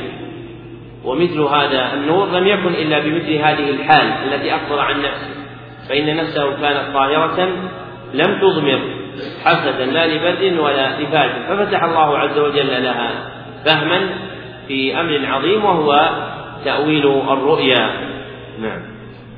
صلى الله إليكم. قال رحمه الله حدثنا أحمد بن جعفر الجمال. قال حدثنا أحمد بن عبد الرحمن الدشتكي. قال حدثنا عبد الله بن أبي جعفر الرازي. عن أبيه عن الربيع قال إنه مكتوب في الكتاب الأول إن الحاسد ليس ينطق بحسده إلا هو. وليس بضاد من حسد وإن الحاسد ينقصه حسده وإن المحسود إذا صبر نجاه صبره. إن الله عز وجل يقول إنه من يتق ويصبر فإن الله لا يضيع أجر المحسنين. هذا الأثر إسناده حسن فإن في رواته ضعفا يحتمل منهم رواية مثل هذا الأثر. ومعنى قوله مكتوب في الكتاب الأول أي في الكتاب السابق وهي كتب أهل الكتاب المتقدمة. ففيها أن الحاسد لا يضر بحسده إلا نفسه ولا يضر غيره. وإن الحاسد ينغصه حسده أي يكدر عليه عيشه. وإن المحسود إذا صبر نجاه صبره. فإن الصابرين مآلهم إلى الفوز. كما قال تعالى إنه من يتق ويصبر فإن الله لا يضيع أجر المحسنين. فمن إحسانه تقواه ربه وصبره على أمره. فيجزيه الله سبحانه وتعالى بالأحسن من الجزاء. ومن ذلك تنجيته من كيد ومن ذلك إنجاؤه من كيد الكائدين. وفي المأثور من كلام الحسن البصري أنه كان يقول ما أنصف شيء كالحسن. ضر الحاسد ولم يضر المحسود. فإن الحاسد يغلي قلبه بما يقع فيه والمحسود في شغل عنه. نعم. أحسن الله إليكم. قال رحمه الله حدثنا أبو يحيى الرازي قال حدثنا سهل قال حدثنا عبيدة بن حميد. عن منصور عن مجاهد عن جنادة بن عن عن جنادة بن أبي أمية قال كان يقال أول خطيئة كانت الحسد. حسد إبليس آدم أن يسجد له حين أمر فحمله الحسد. فحمله الحسد على المعصية. تقدم هذا الأثر من وجه آخر عن منصور وإسناده صحيح كما سلف. وتقدم أن ما يقع في كلام التابعين ومن بعدهم كان يقال يشار به إلى الرفع. نعم. صلى الله عليكم. قال حدثنا سلم بن عصام. قال حدثنا عبد الله بن محمد الزهري. قال حدثنا مالك بن شعيب. قال حدثنا الأعمش عن أبي صالح عن أبي هريرة رضي الله عنه قال قال رسول الله صلى الله عليه وسلم والذي نفسي بيده لا تدخلوا الجنة حتى تؤمنوا ولا تؤمنوا حتى تحابوا. ألا أدلكم على أمر إذا فعلتموه تحاببتم؟ أفشوا السلام بينكم. هذا الحديث مخرج في صحيح مسلم رواية الأعمش عن أبي صالح عن أبي هريرة. وفيه بيان ما يحصل به التحاب وطهارة النفوس وهو إفشاء السلام. وقد أقسم النبي صلى الله عليه وسلم بالله في أوله تعظيما له فإن القسم لا يكون إلا على المعظمات فما ذكره النبي صلى الله عليه وسلم أمر عظيم. ولذلك قال والذي نفسي بيده لا تدخلوا الجنة حتى تؤمنوا ولا تؤمنوا حتى تحابوا أي حتى يحب بعضكم بعضا. ألا أدلكم على أمر إذا فعلتموه تحاببتم أفشوا السلام بينكم وإفشاء السلام أي نشره وإشاعته. والإيمان المذكور هنا هو الإيمان الكامل أي لا تؤمنوا إيمانا كاملا حتى تحابوا. ومن آمن إيمانا كاملا تاما فإنه من أهل الجنة فإنما جعلت الجنة للمؤمنين.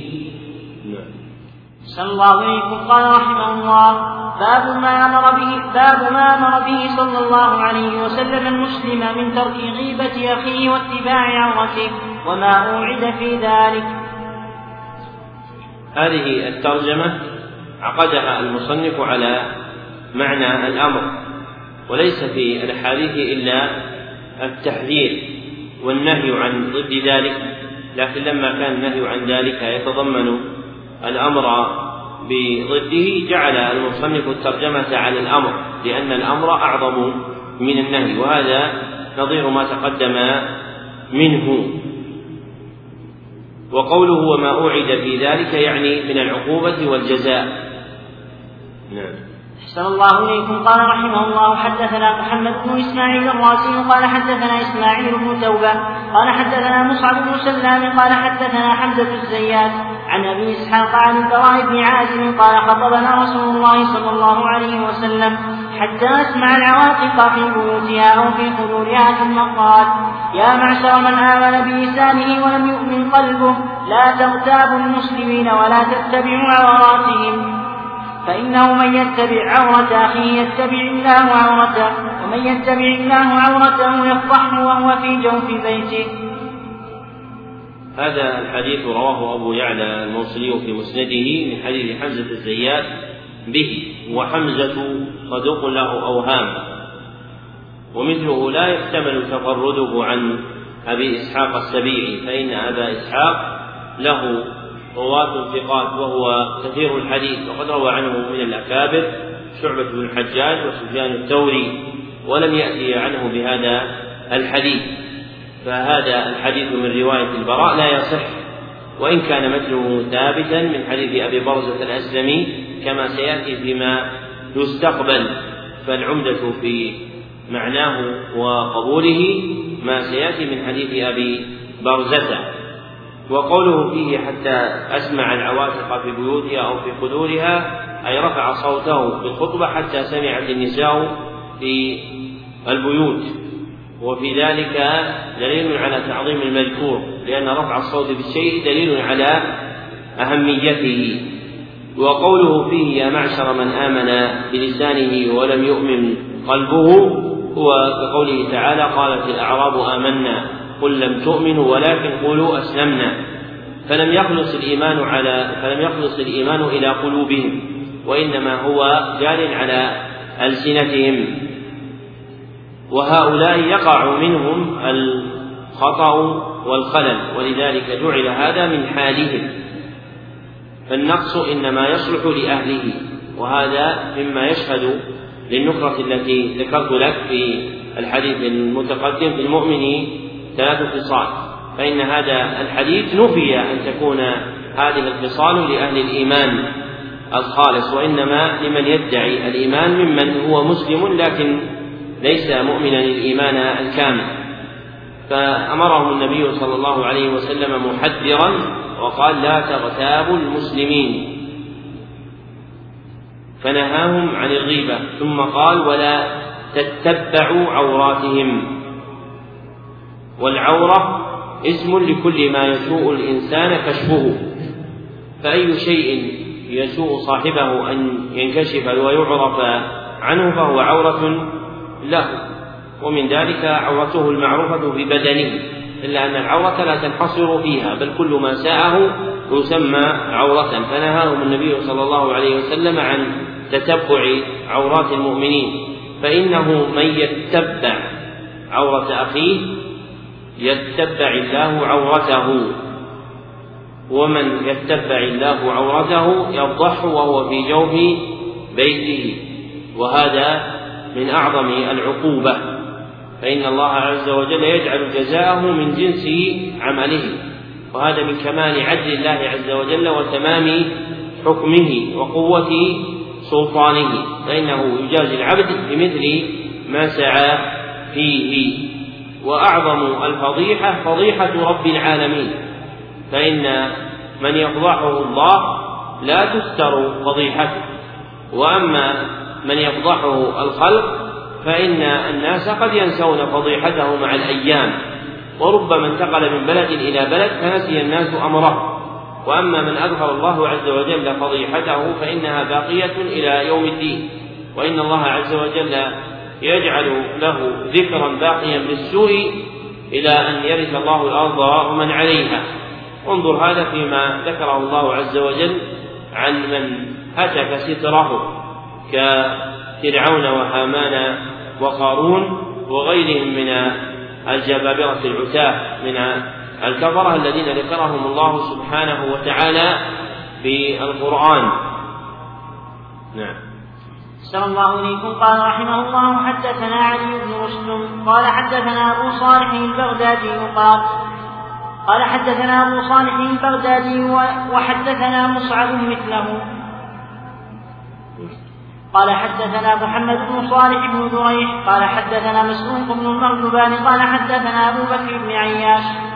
قال حدثنا أبو بكر بن عياش عن الأعمش عن سعيد بن عبد الله بن جريج عن أبي برزة قال قال رسول الله صلى الله عليه وسلم يا معشر من آمن بلسانه ولم يدخل الإيمان قلبه لا تغتابوا المسلمين ولا تتبعوا عورات عوراتهم فإنه من يتبع عورات المسلمين يتبع الله عورته حتى يفضحه في بيته. هذا الحديث أخرجه أبو داود وابن ماجه من حديث أبي بكر بن عياش به وإسناده حسن.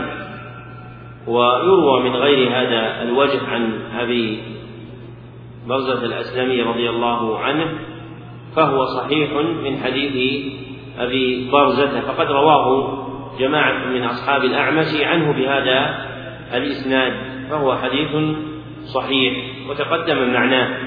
نعم. صلى الله عليكم. قال رحمه الله حدثنا محمد بن إبراهيم بن سعيد. قال حدثنا أبو بكر بن خلاد. قال حدثنا محمد بن فضيل عن الأعمش عن سعيد بن عبد الرحمن عن أبيه عن أبي برزة.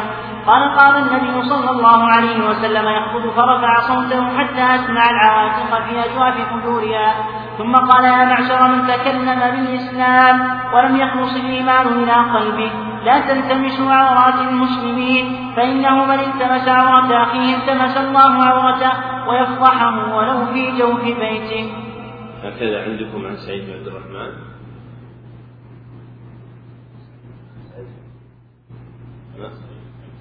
عن الأعمش عن سعيد بن عبد الرحمن سعيد بن عبد الرحمن. هذا كما أشار المحقق أنه خطأ وإنما الحديث معروف من حديث سعيد بن عبد الله فلعله وقع فيه تصحيح فإن الحديث تقدم من حديث الأعمش عن سعيد بن عبد الله بن جريج وإسناده كما سلف صحيح وهو عند أبي داود.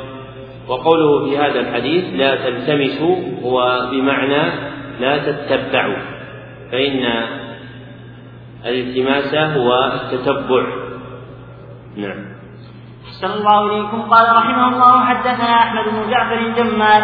قال حدثنا ابن حميد. قال حدثنا عبد الله بن عبد القدوس عن الأعمش وأخبرنا عبد الرحمن بن أبي حاتم. قال حدثنا أبو هارون الحداد. قال قال حدثنا إسحاق بن سليمان قال حدثنا عمران بن وهب الطائي عن سعيد بن عبد الله مولى أبي برزة عن أبي برزة قال خرج إلينا رسول الله صلى الله عليه وسلم فقال يا معشر. هذا الحديث هو طريق آخر لحديث أبي برزة المتقدم لكنه روي من غير حديث الأعمش فإن الذي سلف هو رواية الأعمش عن سعيد بن عبد الله. وهذا من رواية عمران بن وهب الطائي وإسناد هذه الرواية ضعيف والمحفوظ هو حديث الأعمش عن سعيد بن عبد الله. وقوله يا معشر اختصار للحديث فإنه يشير بهذا إلى جملته التي تقدمت. ومثل هذا مما ينبغي أن يقال بعده الحديث وإن لم يكتب. فإن للمحدثين اصطلاحا يتصرفون به وإن لم يكتبوه. ومن جملة هذا أنه إذا ذكر طرف من الحديث فإنه يقال بعده وإن لم يكن مكتوبا الحديث ليعرف أن له تتمة. نعم. أحسن الله إليكم. قال رحمه الله حدثنا إبراهيم بن محمد بن الحسن.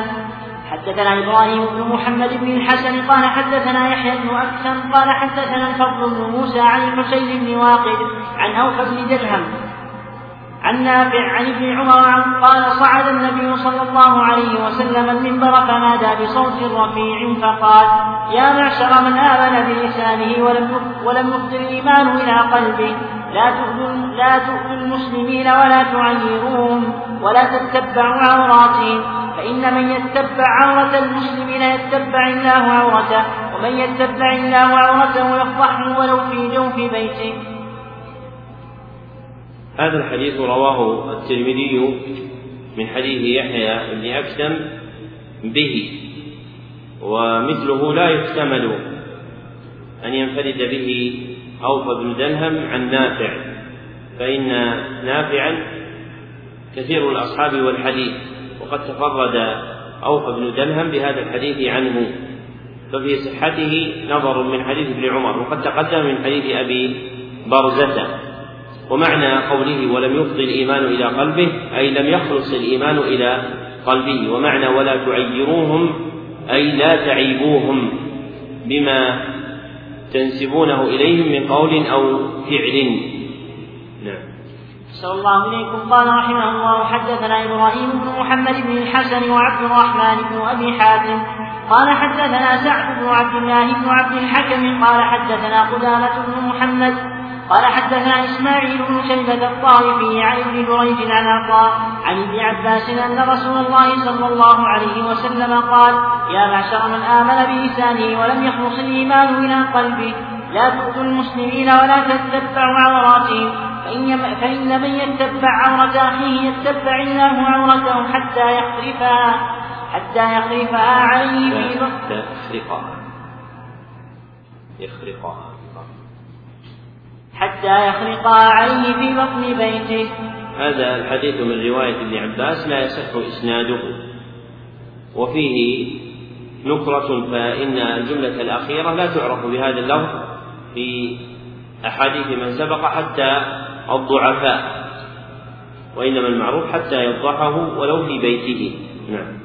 صلى الله إليكم. قال رحمه الله حدثنا عبد الله بن محمد بن يعقوب. قال حدثنا محمد بن عبيد بن بن عتبة. قال حدثنا سعيد بن محمد الجرومي قال حدثنا أبو تميلة عن رميح بن هلال عن ابن الجرمي سعيد محمد الجرمي. أحسن الله إليكم. قال حدثنا سعيد بن محمد الجرمي. قال حدثنا أبو تميلة عن رميح بن هلال عن عن ابن بريدة عن أبيه أنه قال صلى النبي صلى الله عليه وسلم الظهر يوما ثم أقبل على الناس فقال يا معشر من أسلم بلسانه ولم يدخل الإيمان قلبه لا تذم المسلمين ولا تتبعوا عوراتهم فإنه من طلب عورته يهتك ستره وأبدى عورته ولو كان في جوف بيته. وإسناده ضعيف وقد رواه الطبراني في الكبير والأوسط بهذا الإسناد. ولا يثبت من حديث بريدة رضي الله عنه. نعم.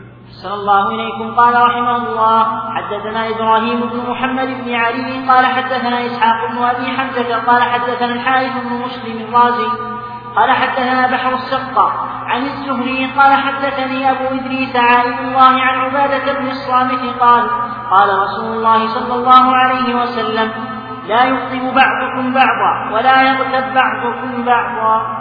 هذا الحديث إسناده واهن وقد رويت الجملة الثانية منه عند البيهقي في معرفة السنن والآثار من حديث عبادة في قصة بيعتهم النبي صلى الله عليه وسلم وذكرها في خبر البيعة منكر. فإن حديث البيعة في الصحيحين وليس فيما أخذ عليهم النبي صلى الله عليه وسلم ولا يغتب بعضكم بعضا. نعم. صلى الله إليكم قال رحمه الله حدثنا إبراهيم بن محمد بن علي قال حدثنا السري بن مهران قال حدثنا أبو معاوية عبد الرحمن بن قيس قال حدثنا سكير بن أبي بن أبي سراج قال حدثنا عمرو بن دينار عن ابن عمر أن رجلا جاء إلى رسول الله صلى الله عليه وسلم فقال يا رسول الله أي الناس أحب إلى الله وأي الأعمال أحب إلى الله عز وجل؟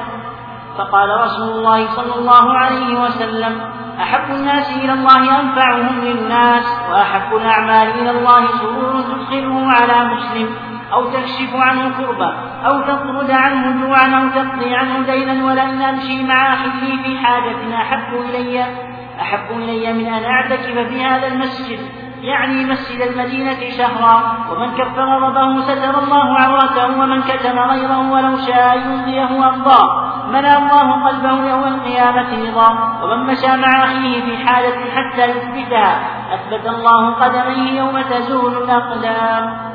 إسناد هذا الحديث ضعيف جدا وقد روي من وجه آخر عند ابن أبي الدنيا في قضاء الحوائج ولا يصح. نعم. أحسن الله إليكم. قال رحمه الله باب ذكر قوله صلى الله عليه وسلم إنك إن اتبعت عورات المسلمين أفسدتهم. أخبرنا أبو يعلى. قوله رحمه الله باب ذكر قوله صلى الله عليه وسلم إنك إن اتبعت وإن تبعت عورات المسلمين أفسدتهم ترجم فيه في قطعة من الحديث النبوي كما هي طريقة جماعة من المحدثين منهم أبو عبد الله البخاري في صحيحه.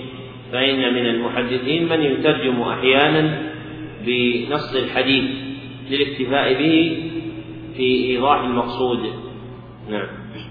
أحسن الله إليكم. قال رحمه الله أخبرنا أبو يعلى قال حدثنا جعفر بن محمد بن فضيل قال حدثنا الفريابي عن سفيان الثوري عن ثور بن يزيد عن عن ثور بن يزيد عن راشد بن عن راشد بن سعد عن معاوية قال سمعت رسول الله صلى الله عليه وسلم يقول إنك إن اتبعت عورات المسلمين أفسدتهم أو كدت أن تفسدهم. قال يقول أبو الدرداء كلمة سمعها معاوية من رسول الله صلى الله عليه وسلم فنفعه الله بها. هذا الحديث أخرجه أبو داود في سننه من حديث الفريابي به وإسناده صحيح عند جماعة وقد تتابعوا عليه إلا أن من كان واعيا لحديث الشاميين كما تقدم يتوقف في رواية راشد بن سعد عن معاوية. فكأن رواية راشد بن سعد عن معاوية مرسلة. فهذا الحديث ظاهر إسناده الصحة لكن هو والله أعلم منقطع ولم يسمع راشد من معاوية وليس في الكتب الستة ولا مسند أحمد شيء من تصريح راشد بن سعد بالسماع أو التحديث من معاوية ولا أذكره في غيرها. على أن المصنفين في المراسيل كالعلاء لم يذكروا هذه الرواية فإنهم ذكروا أن حديثه عن ثوبان وعن سعد بن أبي وقاص مرسل لكنهم لم يذكروا حديثه عن معاوية. والأشبه والله أعلم أنه مرسل وهذا دأب الشاميين في حديثهم. ومعنى قول أبي الدرداء كلمة سمعها معاوية من رسول الله صلى الله عليه وسلم فنفعه الله بها أي لما تولى على المسلمين فإن معاوية أخذ بهذا الحديث وعمل به فلم يكن يرسل العيون ويطلب غرة الناس. بخلاف ما صار الأمر بعده فإن أمر العيون والجواسيس التي يبثها الملوك نشأ في بني أمية ثم لم يزل الأمر على هذا إلى اليوم. وفي الصحيح أن رجلا قال لحذيفة إن هذا الرجل يبث الخبر إلى السلطان فحدث بحديث لا يدخل الجنة قتات نعم. أحسن الله إليكم. قال رحمه الله حدثنا إبراهيم بن محمد بن الحسن قال حدثنا يحيى بن عثمان الحمصي قال حدثنا محمد بن حمير عن جعفر بن برقان عن يزيد بن الأصم عن أبي هريرة رضي الله عنه قال قال رسول الله صلى الله عليه وسلم يبصر أحدكم القذاة في عين أخيه وينسى الجذع أو الجدل في عينه. هذا الحديث رواته صدوقون إلا أنه اختلف في وقفه ورفعه والصواب أنه موقوف وليس بمرفوع كما رواه البخاري في الأدب المفرد وغيره. فهذا موقوف من كلام أبي هريرة والجذع هو واحد الأغصان من الشجرة والجذل هو أصل الشجرة. فكأن الإنسان يرى الشيء اليسير وهو القذاة التي تستقدر مما يصغر حجمه في عين أخيه وينسى ما له من ما هو أعظم من ذلك. نعم. أحسن الله إليكم. قال رحمه الله حدثنا محمد بن إبراهيم بن داود قال حدثنا إسحاق بن شيار قال حدثنا أبو عاصم عن عمرو بن الفضيل عن سلم بن قتيبة عن محمد. عندكم عمرو بن الفضيل؟ لا هذا غلط. عمرو عن الفضيل.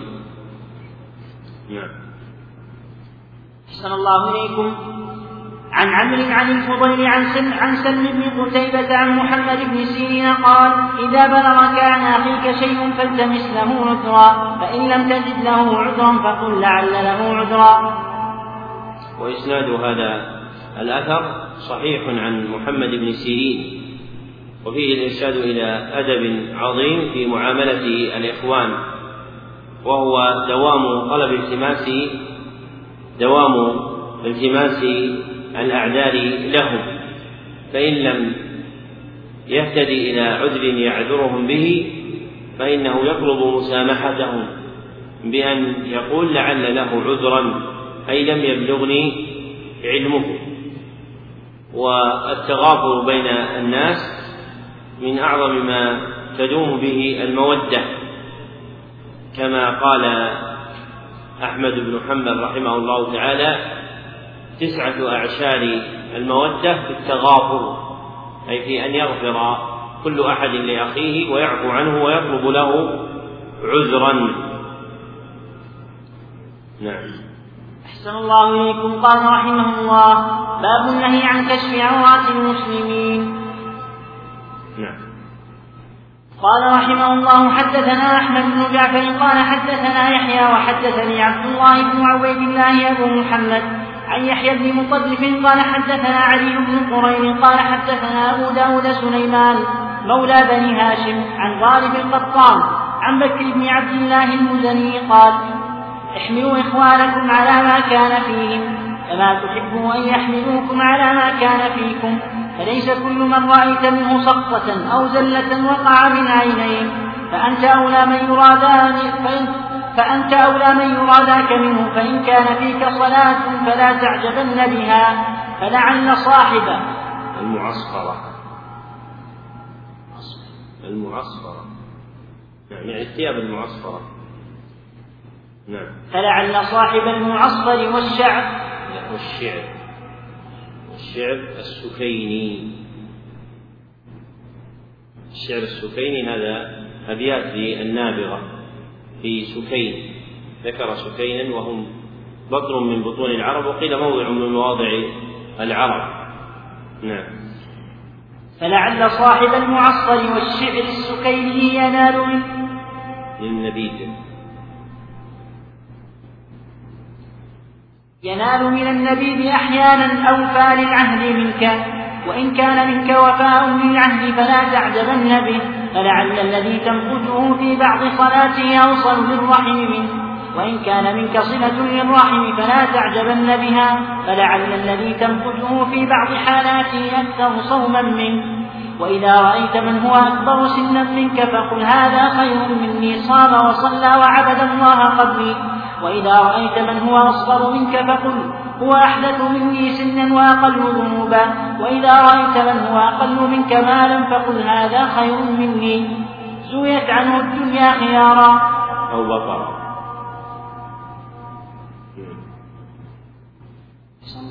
زويت عنه الدنيا خيارا أو بطرا وأعطيتها وأعطيتها. لشقائي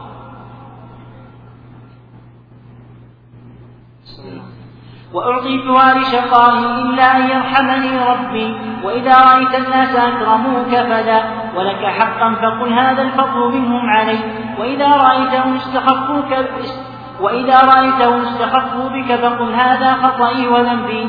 واتخذ أكبر المسلمين لك أبا وأوسطهم لك أخا وأصغرهم لك وأصغرهم لك ابنا أيسرك أن تعذب الطفل الصغير أو تظلم الشيخ الكبير؟ ولتشغلك ذنوبك عن ذنوب العباد وتذاب أيام الحياة الدنيا في التوبة والاستغفار وليسعك ما أنعم الله به عليك وليسعك ما أنعم الله به عليك عما أنعم الله به على العباد وتذاب أيام الحياة بالشكر ولا تنظروا في ذنوب الناس كالأرباب وانظروا في ذنوبكم كالعبيد. ولا تعاهد الغداة في عين أخيك وتدع الجدع معترضا في عينك. والله ما والله ما عدلت. والله ما عدلت. هذا الأثر عن بكر بن عبد الله المزني إسناده واهن ولا يشبه كلام بكر فإن بكرا كان حسن الوعظ وكان له مع الناس حال عظيم فكان إذا وعظهم أبكاهم ولعظيم حاله بينهم كان انتفاعهم به أعظم من انتفاع غيره غيرهم به. وانتفاع غيرهم بغيره. وقد روى جماعة عن ابنه أنه قال له يا أبتاه ما لك إذا وعظت الناس؟ بكوا. وإذا وعظهم غيرك لم يبكوا. فقال لا ليست النائحة الثكلى كالنائحة المستأجرة. أي ليس من يعظ وهو يستحضر حاله. وينوح عليه كمن؟ إنما هو مستأجر لينوح وإنما ينوح لغيره وإن ولا ينوح لحاله. ومقصود هذا الأثر هو أن لا ينظر الإنسان إلى الناس إلى الناس بالإزراء وإلى نفسه بالتعظيم بل الحال التي ينبغي أن يلزمها الإنسان أن ينظر إلى نفسه دائما بالتعظيم والتحقير لئلا تغتر نفسه. ومعنى قوله زويت عنه الدنيا خيارا أو بطرا أي زويت عنه الدنيا بمنعها منه إما لكون ذلك هو خير له أو لئلا يقع في البطر والأشر في رد النعمة, النعمة والكفر بها. نعم. صلى الله عليكم قال رحمه الله حدثنا خليل بن أبي رافع قال حدثنا جدي تميم بن المنتصر قال حدثنا محمد بن يزيد عن جويبر عن الضحاك قوله عز وجل ولا تجسسوا قال ولا قال لا تلتمس عورة أخيك. إسناد هذا الأثر ضعيف جدا ونسخة جويبر عن الضحاك نسخة معروفة عند المفسرين وجويبر كثير الرواية عن الضحاك بن مزاحم الهلالي في التفسير إلا أن روايته ساقطة وقد روى الطبري عند هذه الآية في تفسيره بسند لا بأس به عن ابن عباس قال نهى الله المؤمن أن يتبع عورات المؤمن. وهو مغن عن هذا الأثر نعم. صلى الله عليكم قال رحمه الله حدثنا محمد بن عمر بن حفص. قال حدثنا إسحاق بن إبراهيم. قال حدثنا أبو عاصم عن عيسى بن أبي نجيح عن مجاهد ولا تجسسوا. قال خذوا ما ظهر لكم ودعوا ما ستر الله. وإسناد هذا الأثر صحيح. وفيه الإرشاد إلى معاملة الخلق بالظاهر منه. وأما ما ستره الله عليهم فلا ينبغي للإنسان أن ينقب عنه. فإن أمرنا أن نأخذ الناس بظواهر أمورهم ولم نؤمر بالتنقيب عنهم. نعم. صلى الله عليكم قال رحمه الله حدثنا إبراهيم بن محمد بن الحسن قال حدثنا عبيد بن أصباط قال حدثنا أسباط قال حدثنا أبو عمر الأعمش. أبو محمد هو الأخ يخطي في قراءة اسم عمر في كذا موضع في قراءة محمد فيجعلها عمر هو أبو محمد الأعمش. نعم. قال حدثنا أبو محمد الأعمش عن زيد الأعمش عن زيد بن وهب قال قال رجل لعبد الله هل لك في الوليد ولحيته تقطر خمرا. قال إن النبي صلى الله عليه وسلم نهانا عن التجسس وإن يظهر لنا شيئا أخذناه به. هذا الحديث رواه أبو داود من حديث الأعمش به وإسناده صحيح وعبد الله هو ابن مسعود. وقوله إن النبي صلى الله عليه وسلم نهانا عن التجسس أي عن تتبع عورات الناس التي يخفونها فإن التجسس متعلقه الخفاء فالذي يتطلع إلى عورات الناس التي يستخفونها متجسس عليهم وإنما يؤخذ الناس بالظاهر كما تقدم ولذلك يقول في ذلك يقول ابن مسعود وإن يظهر وإن يظهر لنا شيئا أخذناه به. نعم. صلى الله إليكم. قال رحمه الله حدثنا الفضل قال حدثنا يحيى قال حدثنا مالك عن أبي الزناد عن عن الأعرج عن أبي هريرة رضي الله عنه أن رسول الله صلى الله عليه وسلم قال إياكم والظن فإن الظن أكذب الحديث. ولا تجسسوا ولا تنافسوا ولا تحاسدوا ولا تباغضوا ولا تدابروا. وكونوا عباد الله إخوانا.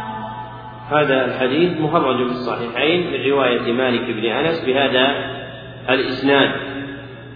وفيه التحذير من استعمال الظن. المبني على التوهم والخرص لقوله صلى الله عليه وسلم إياكم والظن. وهذه الكلمة إياكم يؤتى بها للتحذير المؤذن بالنهي. وعلل النهي بقوله فإن الظن أكذب الحديث والأمور إنما تبنى على الصدق. فلا يجوز للإنسان أن يعامل الناس بالكذب. والظن كاذب بخبر النبي صلى الله عليه وسلم. ثم نهى صلى الله عليه وسلم عن جملة من الأمور تقدم بيانها فقال ولا تجسسوا ولا تنافسوا ولا تحاسدوا ولا تباغروا ولا تدابروا. ثم ختم هذا الحديث بقوله وكونوا عباد الله إخوانا. والجملة الأخيرة كما سبق من أهل العلم من يرى أنها طلب فهي من باب الإنشاء كبقية الجمل ومن أهل العلم من يرى أنها خبر فليست إنشاء كبقية الجمل أي إذا فعلتم ذلك صرتم إخوانا بالله سبحانه وتعالى. نعم. صلى الله إليكم. قال رحمه الله حدثنا إبراهيم بن محمد بن الحسن قال قال كتب إلي عبد الواحد بن شعيب قال حدثني الحوطي عن الوليد بن مسلم قال سألت الأوزاعية قال سألت الأوزاعية قلت الرجل يظهر منه خزية في دينه يذكره عند أصحابه. فقال لا لأن له حرمة الستر لا تذكره. هذا الأثر إسناده حسن. وعبد الواحد بن شعيب الذي ذكر محقق الكتاب أنه لم يعرفه مترجم في ثقات ابن حبان وهو من أهل اللاذقية من بلاد الشام. فلا بأس بإسناد هذا الأثر. ومعنى قوله يظهر منه خزية في دينه أي أمر يخزى به. وهو ما يستقبح من العبد والمراد به أن يقع في خلاف حكم الشريعة. فهذا الواجب إزاءه هو ستره. كما قال الأوزاعي لا لأن له حرمة الستر لا تذكره.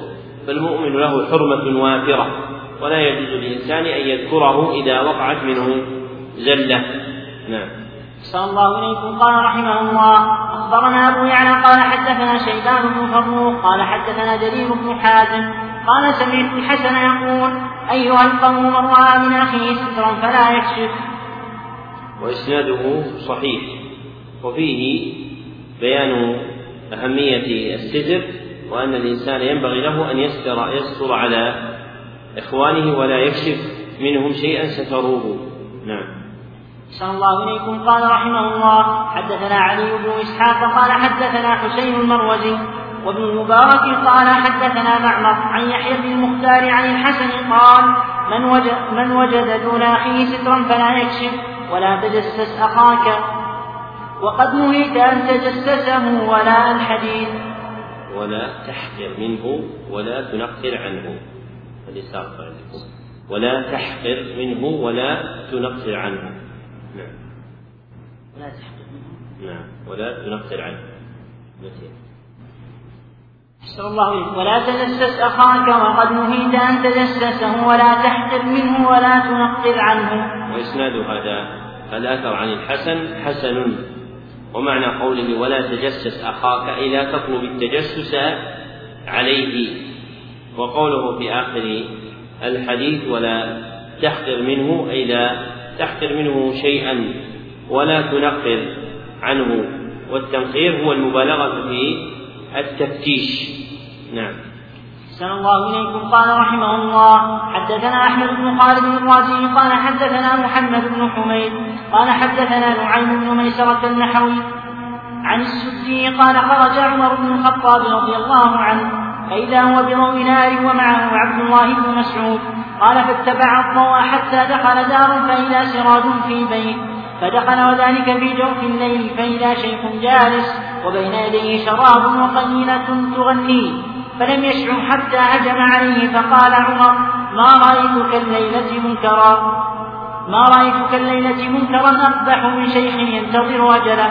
فرفع الشيخ رأسه إليه فقال بلى يا أمير المؤمنين ما صنعت أنت أقبح إنك قد تجسست وقد نهي عن التجسس ودخلت بغير إذن. فقال عمر صدقت. ثم خرج عاصا على يديه يبكي.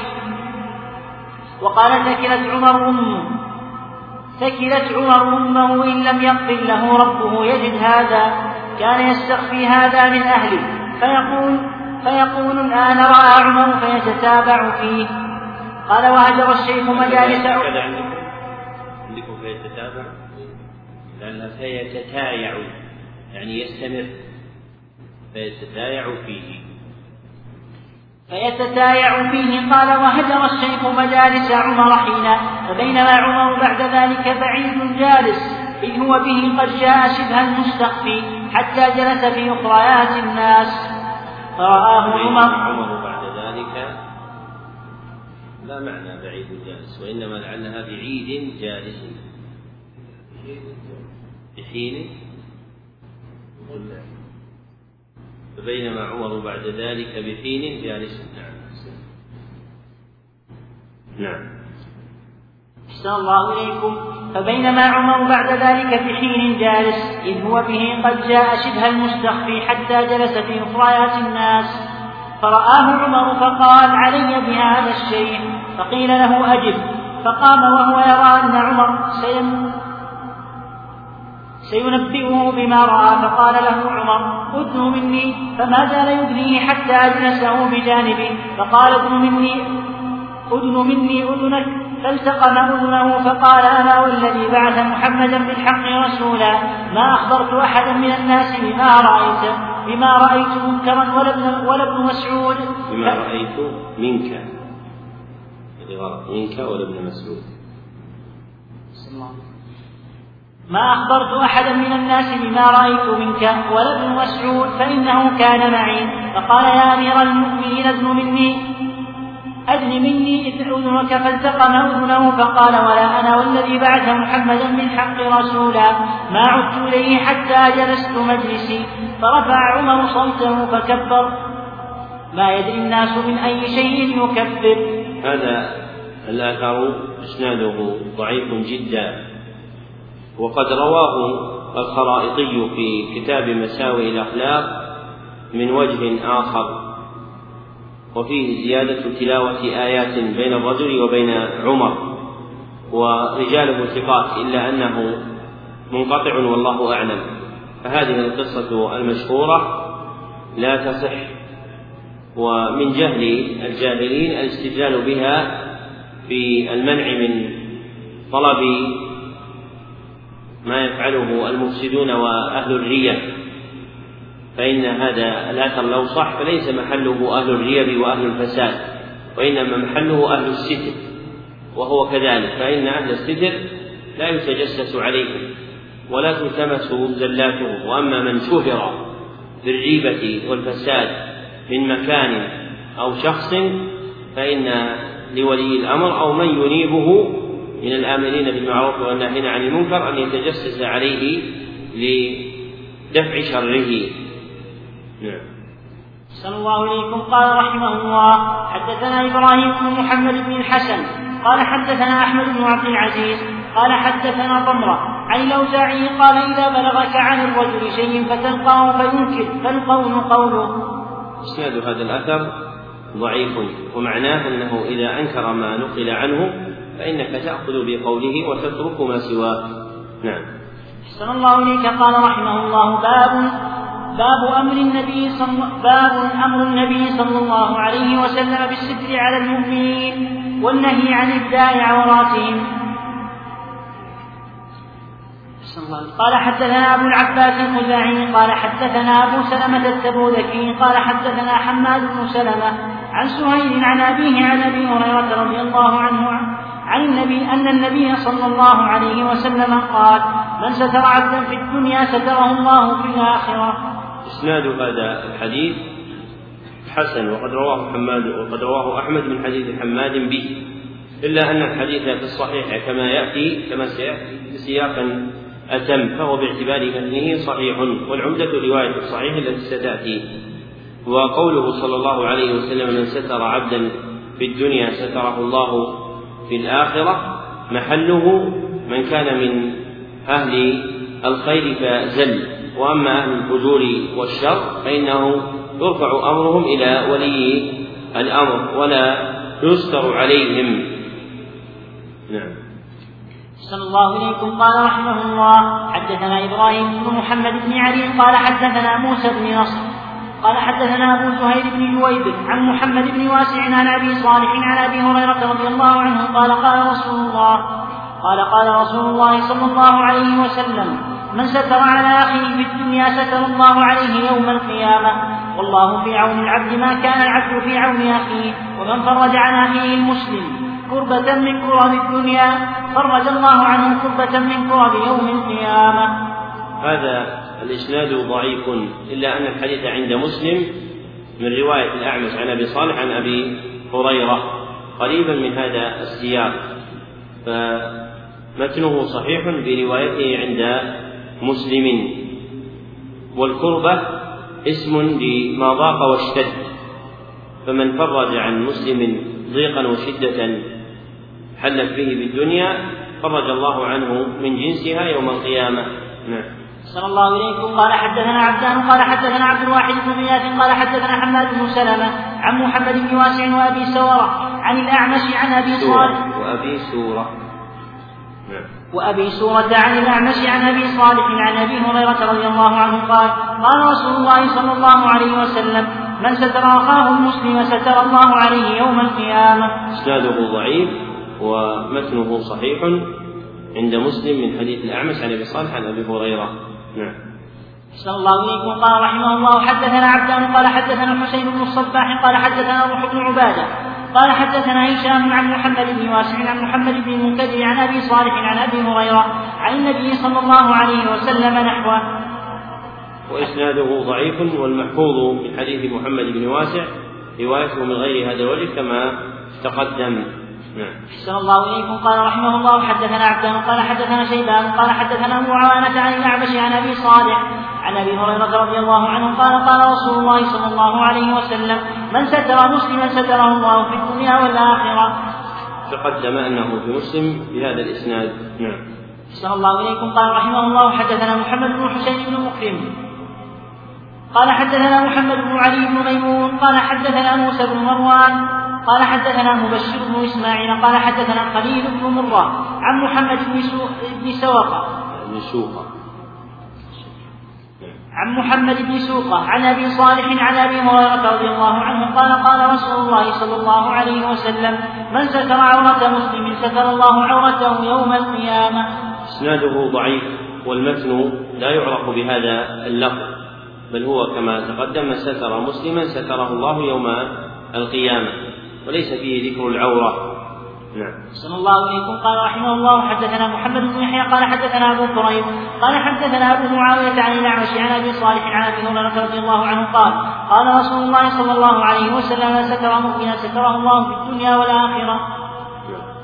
حدثنا محمد بن إبراهيم الهروي قال حدثنا أبو معاوية. حدثنا محمد بن إبراهيم قال حدثنا إبراهيم الهروي ساقط عنه. نعم. صلى الله إليكم. قال حدثنا محمد بن إبراهيم. قال حدثنا إبراهيم الهروي. قال حدثنا أبو معاوية. قال حدثنا خالد بن إلياس. عن يحيى بن عبد الرحمن بن حاتم عن أبي سعيد.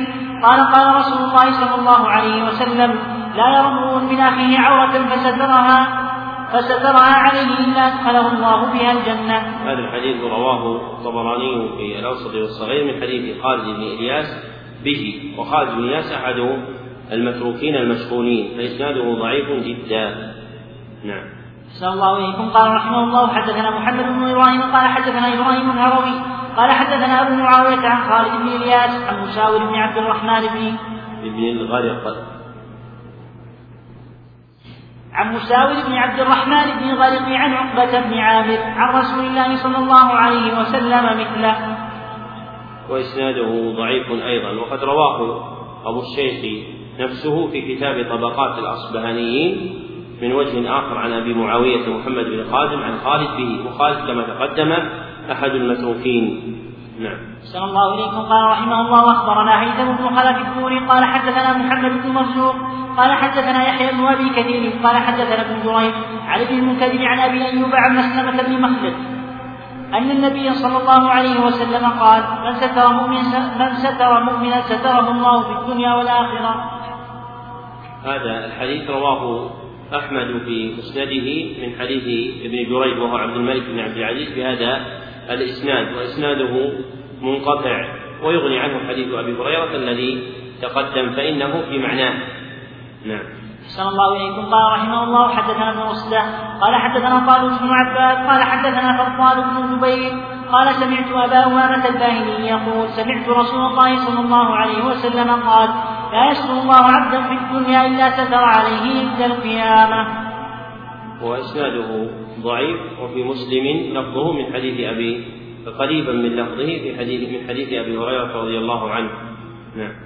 أحسن الله إليكم. قال رحمه الله أخبرنا أبو يعلى قال حدثنا هارون بن معروف قال حدثنا أبو عبد الرحمن قال حدثنا سعيد بن أبي أيوب قال حدثنا عبد الله بن الوليد عن عبد الملك بن عمير أن أبا حماد أخبره أنه كان عند مسلمة يوما. نصف النهار. أنه كان عند مسلمة يوما نصف النهار فجاء رجل على راحلة له وكان من أصحاب رسول الله صلى الله عليه وسلم فانطلقت معه إلى عقبة بن عامر الجهني فقال رجل إني سمعت رسول الله صلى الله عليه وسلم يقول من ستر عورة مؤمن ستره الله من خزي يوم القيامة. قال عقبة فإني سمعت, فإني سمعت رسول الله صلى الله عليه وسلم يقول. إسناده ضعيف وقد رواه أحمد في مسنده من وجهين آخرين يتقوى بهما الحديث فهو حسن بمجموع طرقه. نعم. صلى الله إليكم قال رحمه الله وأخبرنا إسحاق بن أحمد قال حدثنا عثمان بن حسن الرافعي المديني قال حدثنا عبد الملك بن الماجشون عن مالك عن عن مالك عن نافع عن ابن عمر قال قال رسول الله صلى الله عليه وسلم من استتر منكم بسعفة نخلة فلا تكشفوها عنه. هذا الحديث أخرجه الدار في غرائب مالك من حديث عثمان بن الحسن الرافعي به.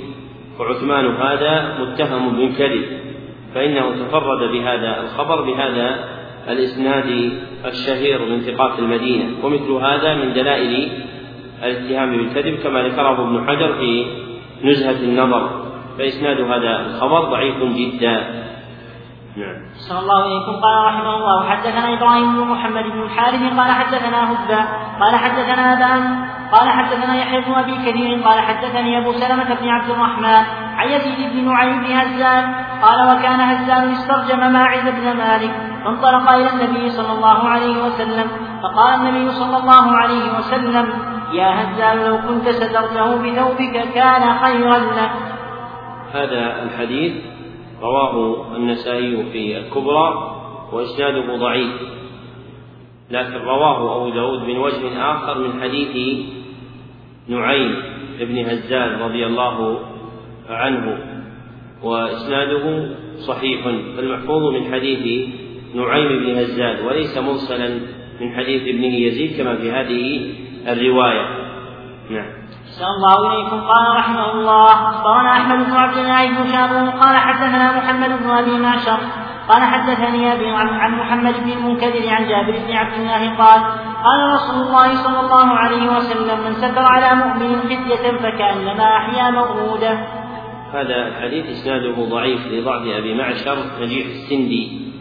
والخزية هي ما يخزى به العبد مما يستقبح والموؤودة هي البنت التي كانت العرب تقتلها دفعا للفضيحة بها فجعل من ستر مؤمنا على خزية جعله بمنزلة من أحياء موؤودة.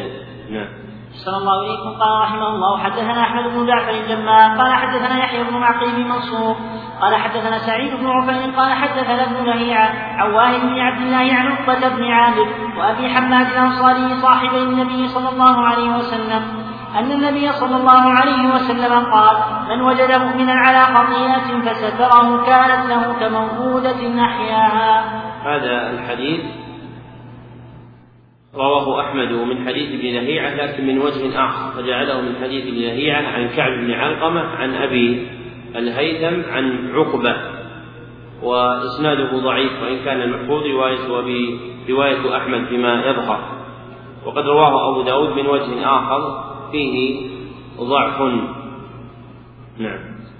صلى الله عليكم قال رحمه الله أخبرنا إبراهيم بن محمد بن الحسن قال حدثنا أبو الجماهير الحمصي قال حدثنا أبو المغيرة محمد بن المغيرة المخزومي قال حدثنا عبد الله بن نافع عن أبي المليح عن أبي صالح عن أبي هريرة رضي الله عنه قال قال رسول الله صلى الله عليه وسلم من رأى على أخيه زيغة فسترها عليه كانت له جنة من النار يوم القيامة. إسناد هذا الحديث ضعيف وأبو صالح هذا الذي روى هذا الحديث عن أبي هريرة ليس هو أبو صالح ذكوان السمان. الثقة المشهور وإنما هو أبو صالح الخوزي أحد الضعفاء. والزيغة يعني الميل عن الهدى والجنة أي التقاة التي يتقي بها من النار يوم القيامة. نعم. صلى الله عليكم قال رحمه الله حدثنا محمد بن سهل قال حدثنا سلمة قال حدثنا حفص بن عبد الله قاضي نيسابور قال حدثنا أبو بكر الهذلي عن خالد يعني الربعي. أن النبي صلى الله عليه وسلم قال إني لا أعرف قوما يضربون صدورهم ضربا يسمعه أهل النار. قيل من هم يا نبي الله؟ قال هم الهمازون واللمازون. قيل من هم الهمازون يا رسول الله؟ قال الذين يلتمسون عورات المسلمين ويكشفون ستورهم ويفشون عليهم من الفواحش ما ليس فيهم. قال وقال النبي صلى الله عليه وسلم إني لا أعرف قوما يضرب في آذانهم بمسامير من نار. يضرب من جانب يضرب من جانب ويخرج من الجانب الآخر. قيل من هم يا نبي الله؟ قال هم الذين يستمعون إلى ما لا يحل لهم على أبواب المسلمين. يلتمسون عيبهم. إسناد هذا الحديث ضعيف جدا وهو معضل فإن خالد خالد الربعي من أتباع التابعين فحديثه معضل. والهماز هو الذي هو الذي يعيب الناس بفعله واللماز هو الذي يعيب الناس بقوله ويكفي في ذمه قوله تعالى ويل لكل همزة لمزة وهذا آخر البيان على هذه الجملة من كتاب التوبيخ والتنبيه ونستكمل بقيته بإذن الله بعد صلاة العشاء. وبالله التوفيق. الحمد لله رب العالمين وصلى الله وسلم على عبده ورسوله محمد وآله وصحبه أجمعين.